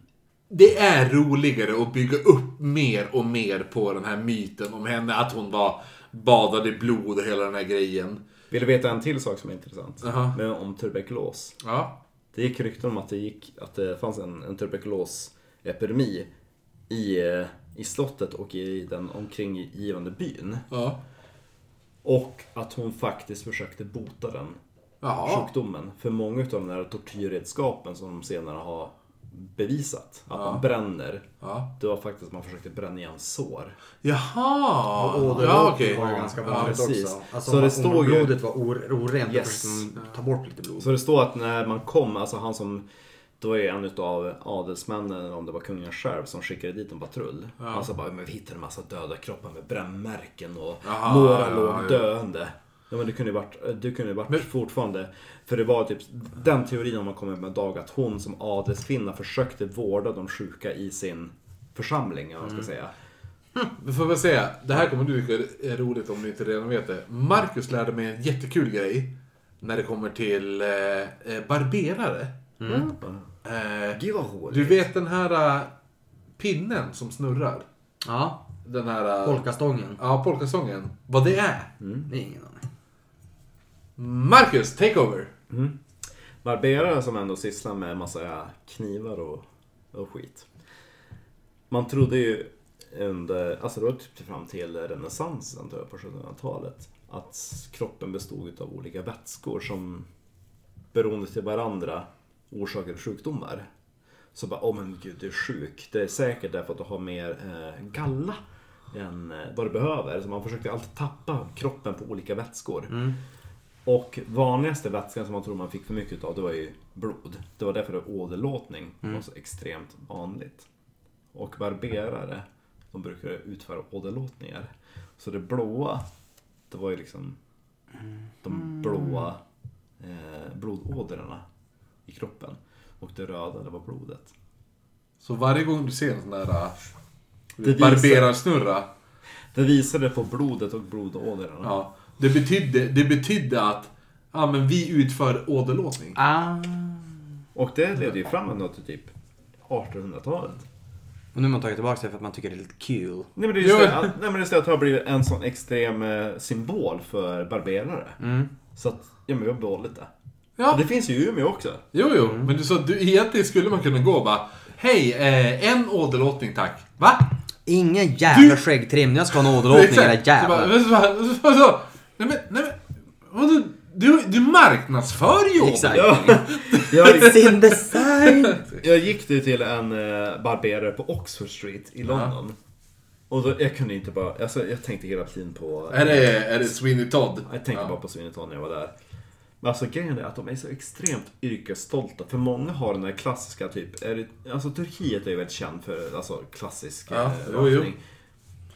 Och sättet de visar sin, eh, sina skills på. Alltså de har ju sin kniv. Ja. Men när de drar bort raklöddret.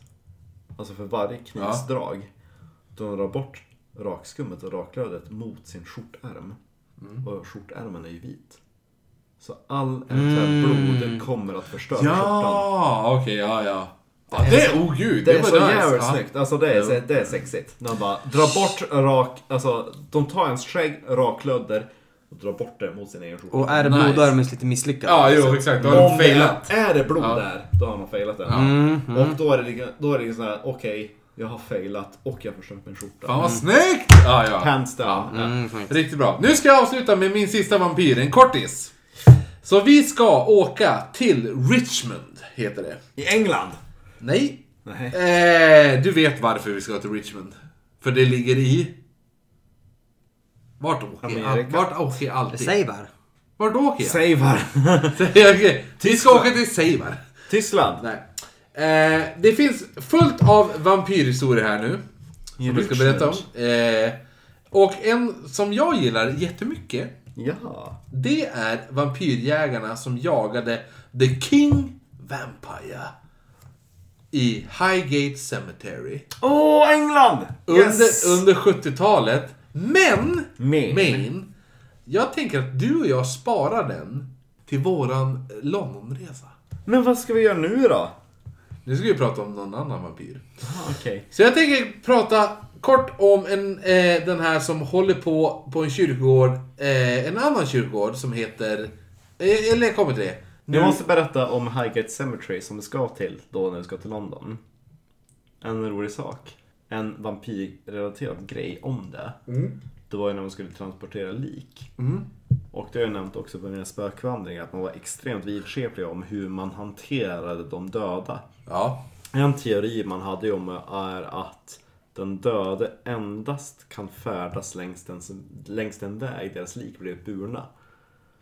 Så i exempel om, man, om det var mördare eller någonting som skulle begravas på kyrkogården då hivar man liket över kyrkogårdsmuren. För då, om den personen skulle gå igen, då skulle den bli förhindrad utav muren för att lämna kyrkogården. Logic. Mm, och just i Highgate Cemetery, då fanns det någon brittisk legend om att de får inte korsa en väg med de döda. Så Ja. att under en väg som går genom Highgate så finns det en underjordisk tunnel. Aha. Där man för de döda. Fett. Ja, Nice. ja, dit måste vi gå. Jo, jo. Nej, men jag tänker berätta en annan grej här nu. Eh, om The Richmond Vampire då. I England. Nej. Nej. Du, du vill att jag ska dit. Yes. Eh, men, men i alla fall. Och det man bör veta om Richmond är att det är en stad... Är att det inte ligger i England. Nej, dels är det i USA där. Ja, ja, ja. Eh, det är en stad vars grund, hela grunden, Mhm. är lera istället för som många andra städer kan vara, är berggrund. Du vet, bedrock. Ja, ja, ja. Flintstones. Du ska Typ så. bygga Ja. ett hus på Så, de, så är berg, istället för berg, berggrund så är det lera då. Och det här gör ju att marken beter sig lite annorlunda. Yes. Ja. Eh, Sjöbotten typ. ja, men speciellt när det regnar mycket. Ah. För att eh, har du en lerig botten så suger den inte åt sig i vatten så mycket. Soggy bottom. ja, men den beter sig också väldigt annorlunda när det, när det torkar. Just för lera är ju antingen, antingen suger åt sig allt eller ingenting.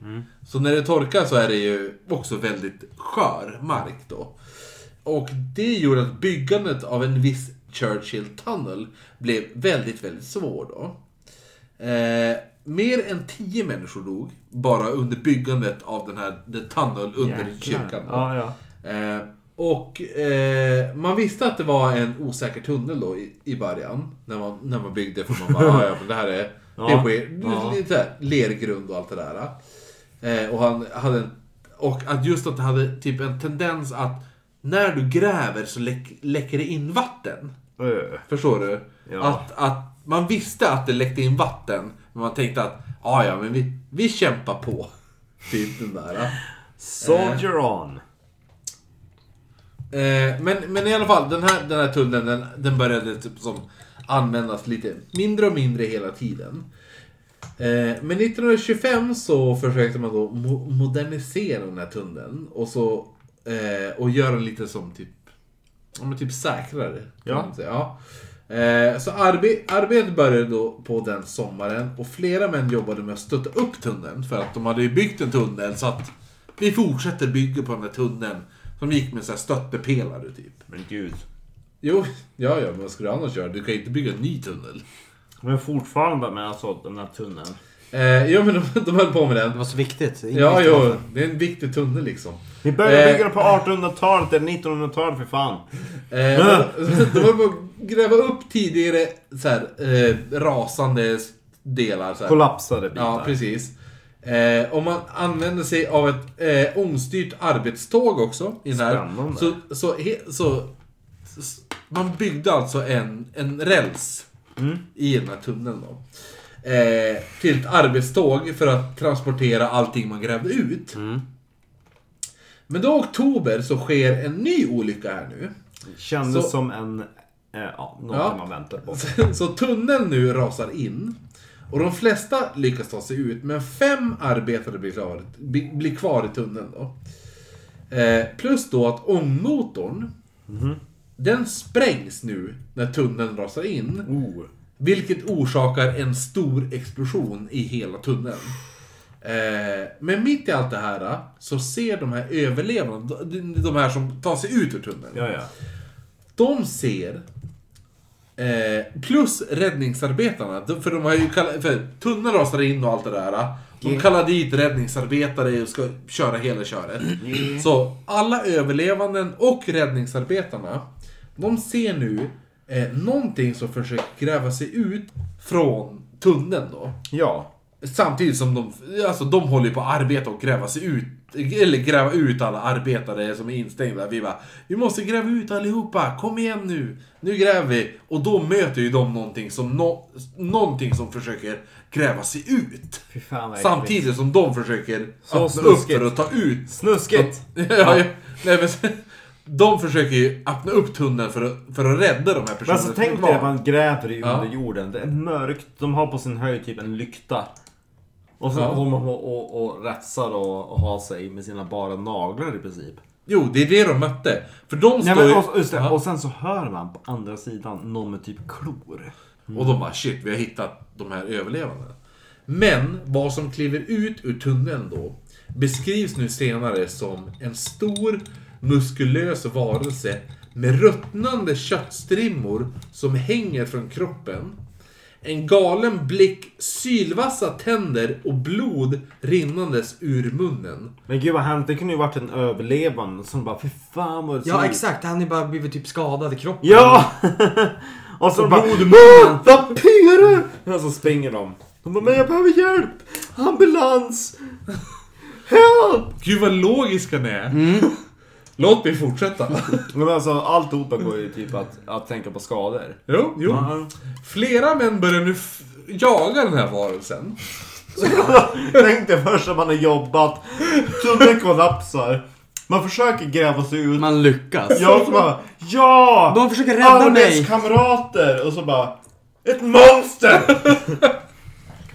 Eh, de jagar den här varelsen som flyr till en kyrkogård och söker skydd i en stor gotisk krypta inbyggd i en kulle på Hollywood Cemetery tillhörande W.W. Pool. Och jag ska tvärvisa er hur den här kryptan ser ut. Så får ni se, den, den, den är jävligt nice. Ni ska få se den. Jag förstår inte hur man inte kan tänka logiskt att om någon som försöker komma ut i någonting som har kollapsat så kanske man inte, man ser inte ut som att man så här, vet, har duschat. Nej. Man kom ut som... som Susan såhär, såhär schamporeklam. Ja. Jag bara, Eh, här är the kryptan. makeup. The Här. makeup artist. WW Pool, det var den här kryptan han flydde till. Ja, Väldigt eh, gotisk och fancy. väldigt eh, Ja. kryptig. Väldigt såhär Kleopatra. Ja, ligger på Hollywood Cemetery i alla fall. Inte Hollywood Cemetery i Los Angeles där jag har varit. Eh, där har det varit väldigt nice kyrkor. Inte på Highgate Cemetery i London. Men i alla fall, nu föds då myten om The Richmond... Oj, förlåt. The Richmond Vampire.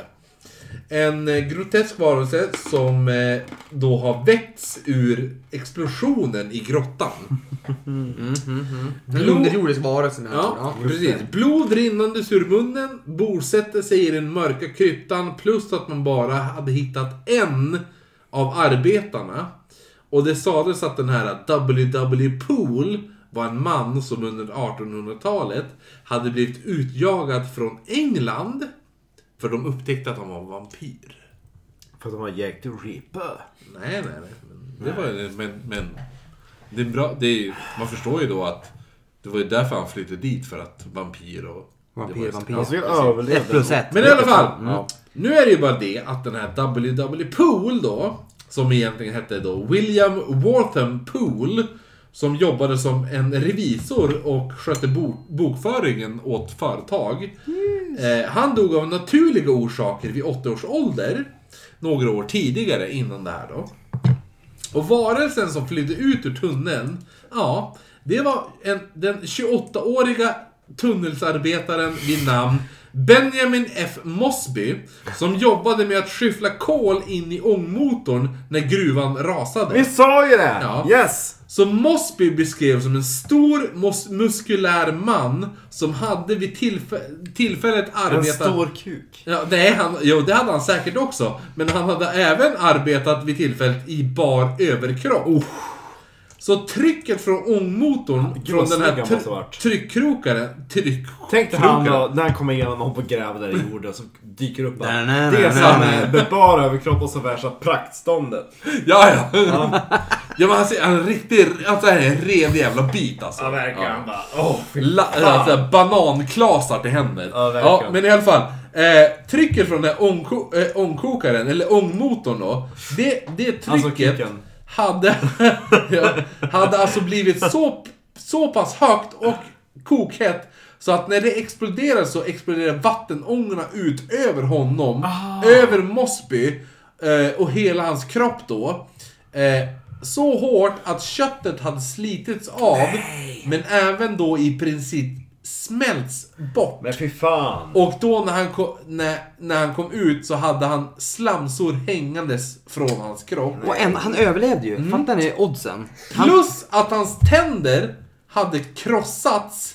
Så att han hade så här jagged, alltså Ja, ja. tänderna hade För man bara... tänker då utav smärta man biter upp bara... Men tänk dig en glasruta, du slår sönder en glasruta, då blir ju själv kantiga... Ja men Ja, absolut, och så dels också att, att smärta man biter ihop. Ja. Alltså fan. Så det är inte svårt att tänka sig då att blod forsade ut ur hans mun. Nej. När han Det var ju så extremt färskt också. Ja. Ja. Eh, och han lyckades ta sig ut då ur gruvan. Mosby dog dagen efter på sjukhuset. Men eh, de här historierna i alla fall. Om hur man fann, det, eh, vad heter han nu? Alltså det är en fantastisk historia. Ja. Men hur samtidigt... man fann Mosby. Ja. Ja, att man inte kunde ha den sinnesnärvaron att tänka att det här är en överlevande. Men grejen är att jag tror... Jag, Ja. tror, jag tror att alla... Vad trodde de att de skulle hitta typ en, Nej. en sån här pristine eh, person med vit skjorta bara Oh thank God that you found me. Jag tror Ja, att... jag Jag, fattar. rökte där inne bara. Ja. "Åh, Tack att ni kom för fan, jag har suttit här tre cigg! Ja! men jag tror att grejen är det här att det här är den Please typi- give me a brandy. den typiska alltså, historien av att du har en jättetragisk historia om allt det här. Ja. Eh, din, din farfar berättar det här för dig. Mm. Du tar bort den här mänskliga delen. Berättar om... Det läskiga Du, monstret. du, som berättar mer, du berättar mer om att Min farfar var med och grävde upp det här hålet. Och ut ur hålet kom en Ja. omänsklig varelse. Nästa generation. Till slut kommer det bli att det bor ett monster i berget. Ja, jo. Ja. Och det, Det var är det, det, var som li, det, det, det, är det som har hänt med den här historien. Det är ju väldigt Elis Ja. Elisabeth Batory också. Ja, verkligen. Man kan förstå hur Vampyrer kom. Ja, inte, ja, inte det, men just fruktan- hur, hur, hur lite det krävs för att skapa en, alltså en, eh, vad ska man säga, en lore. Eller, vad är lore på svenska? En, Eh, en, folktro. så här, ja, folktro. Ja. Alltså, det behövs inte mycket, det behövs två generationer. Mm. Så har du, Ett glapp. precis, du tar bort basen. Egentligen är. behövs det kanske Ja. eh, typ tre generationer. Och l- låt säga att det, det jag hörde från min farfar, att vi har hoppat ifrån min pappa, så Ja. blir en tredjehands Jo, rekonstruktion. för det enda som är, ifall du tar bort, ifall du tar bort Mosby Ja. från hela den här historien. Så är det enda som är att det kommer räddningsmän till en gruva, Ja. det kommer ut ett monster. Mm. Eh, och det här monstret, alltså och, och det, det är det enda, tar du bort Mosby. Sen lägger du till Mosby, det var en arbetare som arbetade utan tröja och allt det där. Hans hud brändes av och han dog dagen efter. Eh, det var den enda personen man hittade i raset. Ja. Ja. Det är, inte, det, det är ganska lätt att förstå vart eh, folktro och såna här eh, vandringssägner kommer ifrån. Man Men det är det som är där. synd, för det var det jag tyckte var intressant när du Marcus pratade om till exempel skogsrå. Alltså så här, att där har man en, eh, en bild, ja men okej, om, om du är snäll med skogsrå så får du liksom lycka. Ja. Ja. Och så har det vänts då till att demonisera och då Alltså det är svårt att då göra research vad egentligen det saker och ting handlar om. Och, förstår ni? Att Jo. det blir som så är två helt extremer. Ja. Ena är liksom att det är så här, men du kan få hjälp eller whatever. Och sen den andra är verkligen bara så här, man vill bara hitta det groteska i allting. Jo. För jag då- tänkte, när jag kom hit idag, hade jag tänkt att prata om, om metaforer Ja. för energitjuvar. Ah. Alltså vad, Ah, är en, ja. vad är en vampyr? ja. Det är ju någon som livnär sig, en parasit, någon som livnär sig på andra. Ja. Det är det, den bilden jag har av vampyr. Jag har Ja. inte gjort någon research som ni. ni. Gud vad djupt eh, sammankoppling det blir. Ja, ja, ja. Bra. Uh, och, och just det där med att, uh, ja, alltså just tänk på den här metaforen kring, kring att, ja, energitjuvar som finns idag, som är ett väldigt vanligt uttryck. ja. Men att, ja. Alla jobbar med en. Va? Det är det. Alla jobbar med en. Ja, jo. Ja men det är intressant för att jag, jag hade med det en symbolisk grej så jag tänker att Dracula och du vet man har, ja men att det blir Children's Tale. Passar det för Dracula, bla bla bla bla. Ja. Okej, men vad är moralkakan? För nästan alla historier har ju som en, en moralkaka. Ja. Men det är ju vad, mycket av de här klassiska historierna som Disney gör om också. Mm. De har ju jag kan ingenting, jag har inte research, men det jag vet att de har gjort om mycket. För att Ja, det ska passa en, en, en av deras mallar. Och Ja, Ja, men definitivt brutalare. eh, de som är från eh, Grimm-historierna. Ja. Ja. De att de är mycket brutalare. Oh ja, oh ja. Ja. Och då är eh, det, jag ska inte gå in i Disney och hela den grejen, men just det här med Alltså vad är det som överlever och vad vill man ta med sig? Jag hade tänkt ingå in på det här med döden också därför att Alltså ingen verkar ju vilja ta med döden i tång men alla är liksom vi, vi ska dit liksom. Alla ska dö. Jaha.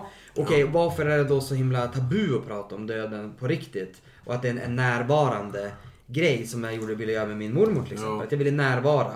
Medan då skulle jag ha förväntat mig att folk ska tycka man är tokig.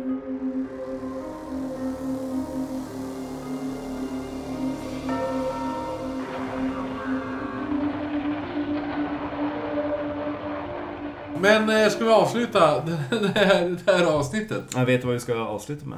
Det är Vad? två grejer. Ja. ja. Nästa veckas tema. Nej.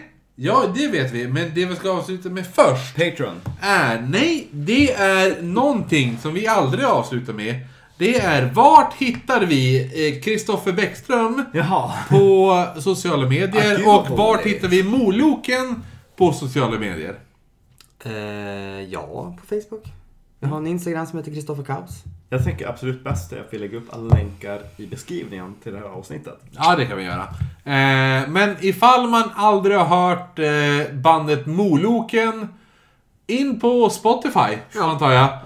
Eh, Google, eh, Spotify Moloken där. Yes. Så hittar vi eh, senaste albumet Japp. som heter vad? Unveilance of Dark Matter. Precis. Eh, Det är ert fjärde album, va? Ja, exakt. precis. Eh, däremot måste jag bara säga att jag tycker att Rural...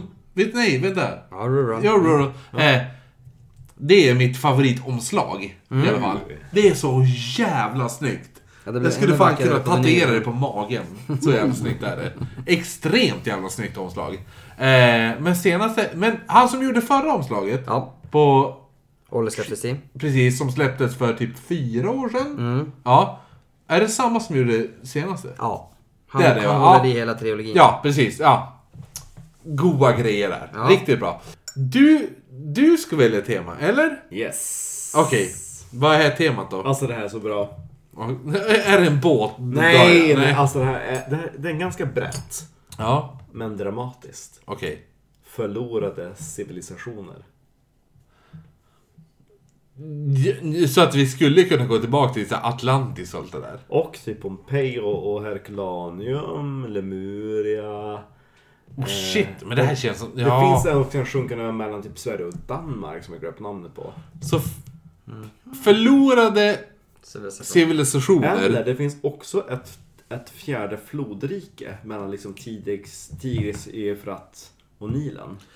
Får jag bara säga så här? Ja. Jag personligen. Tycker det är nu- skittråkigt. Eh, Nej, men hade jag fått rösta mellan ufon och det här. Det går nästan att väva ihop, för man kan ju hävda att några förlorade civilisationer har fått hjälp utav ufon. Oj, oj, oj. Eh, men jag hade nog röstat på ufon här. Nej! Jo, det hade jag. Ja, det blir en tight call tror jag. Ah, jo. För vad hade du röstat på? Vad är din röst? Vart ligger din? Det här är första rösten. Ufon eller förlorade civilisationer? Jag tror jag hade gått på förlorad civilisation. Fan också! Därför att jag tänker att det är någonting jag inte vet någonting om. Ah, eh, Pompeji eh, och Atlantis. Atlantis eh, är ju bara så jävla vackert namn. Ja. Tror jag ska kanske Jo, men vi, har tag- vi har ju tagit upp Atlantis lite i... eh, Jag nämnde förbifarten. Ja, men vi gjorde ju det i Nazisterna och det ockulta. Nazisterna. Ja, ja, men i alla fall. Jo, men vadå Atlantis skulle man kunna... Man skulle göra ett helt avsnitt om Atlantis. Ja, men jag tänker, alltså det, det är ganska brett. Det finns många förlorade civilisationer. Okej, då kör vi Mer det. än vad vi tror. Det, det. det sämsta namnet att välja ifall man ska prata om det i fyllan. Ja. För det blir... Slurer. Det är det man säger. Vadå för någonting? Förlorade... Förlorade civilisationer. Ja. Ja. Yes. Eh, men... Tack så mycket för att jag fick vara med. Ja, jo, eller Tack för att hur? du Herregud. fick komma. Det var väldigt trevligt. Det var annorlunda än vad jag trodde. Det, jag tycker om att bli överraskad. Det är Ja, bra. det är bra. Ja, Eller? vilken otrolig research ni har gjort. Jag är jätteimponerad. Ja, det är kul. Mm. Nu har vi rentvått Elizabeth Bathory också. Vilket Ja. känns kul. För hon, eh, hon har fått oförtjänat mycket hat. Jo, men också... Kvinna med livskraft, det, det måste man Nej, alltså hon, hon bort. badade aldrig blod. Hon ägde mer mark, hon hade mer pengar, hon hade mer Makt. makt. Hon hade kungen. folkets folkets kärlek också. Ja. Och det är det farligaste. Och, och just det att det var på medeltiden när kvinnor inte skulle ha någon makt. Men sen hade vi också Mercy Browns pappa. Ja. Som, var, som sa det är okej att ni gräver upp henne och sprätter upp henne. Absolut. Det, vi får inte glömma han. Nej, han, är, alltså, han, är, han, han är nyckelspelare. ja. Vi får inte glömma den karln. Nej. Nej. Eh, ja, Patrons! Men då tackar vi våra patrons, tycker jag. Ann-Charlotte. Ja, Ann-Charlotte, hon är trevlig. Vet Hon finns är- alltid där. Ja, ja. En annan som finns där, det är An- Andreas Pettersson. Och en ny stjärna på Patreon-himlen. Ina Fus. Ja, som heter Lina, tror hon heter. Ah, okej. Hon heter egentligen, jag tror hon heter Lina. Nej, jag tror att hon har förståelse för eh, eventuella uttals... Ja, ja, men i alla fall, Hon, är annan- från, hon är från Vännäs. Hon är det. I Västerbotten. Venice på- Beach. Ja. Ja. Eh, annars ska vi också tacka eh, Jonas von Millfjäll! Alltså Von och heta Von. Fan vad jag är avundsjuk. Von, ja. Och sen så har vi en liten extra goding. Robin. Bjärnedal. Och hans syster Johanna. Bjärendal. Som betalar cirka 20 öre mindre. Det är de små grejerna. Ja, ja. Sen Sasha. Silverskurdur. Ja. Ja. Och sist, men absolut inte minst. Vad det? Jag tänker varje gång jag ser det här namnet så tänker jag på Woody i Toy Story. Ja, men alltså han, han är där som en liten snygg slatt Ja. i slutet. Nej men så mycket, tack så mycket till er och tack till alla andra som eh, har del... Patreoner. Ja, alla, alla andra våra Patreons. Eh, och så sen tackar vi även eh, Kristoffer Bäckström från Moloken, drivare av skivbolaget Discourage Records. Och numera Isle North. Oj jävlar! Skål på den! Skål på den! Eh, Säg hej då Kristoffers! Hej då! Hej då! Det var snyggt.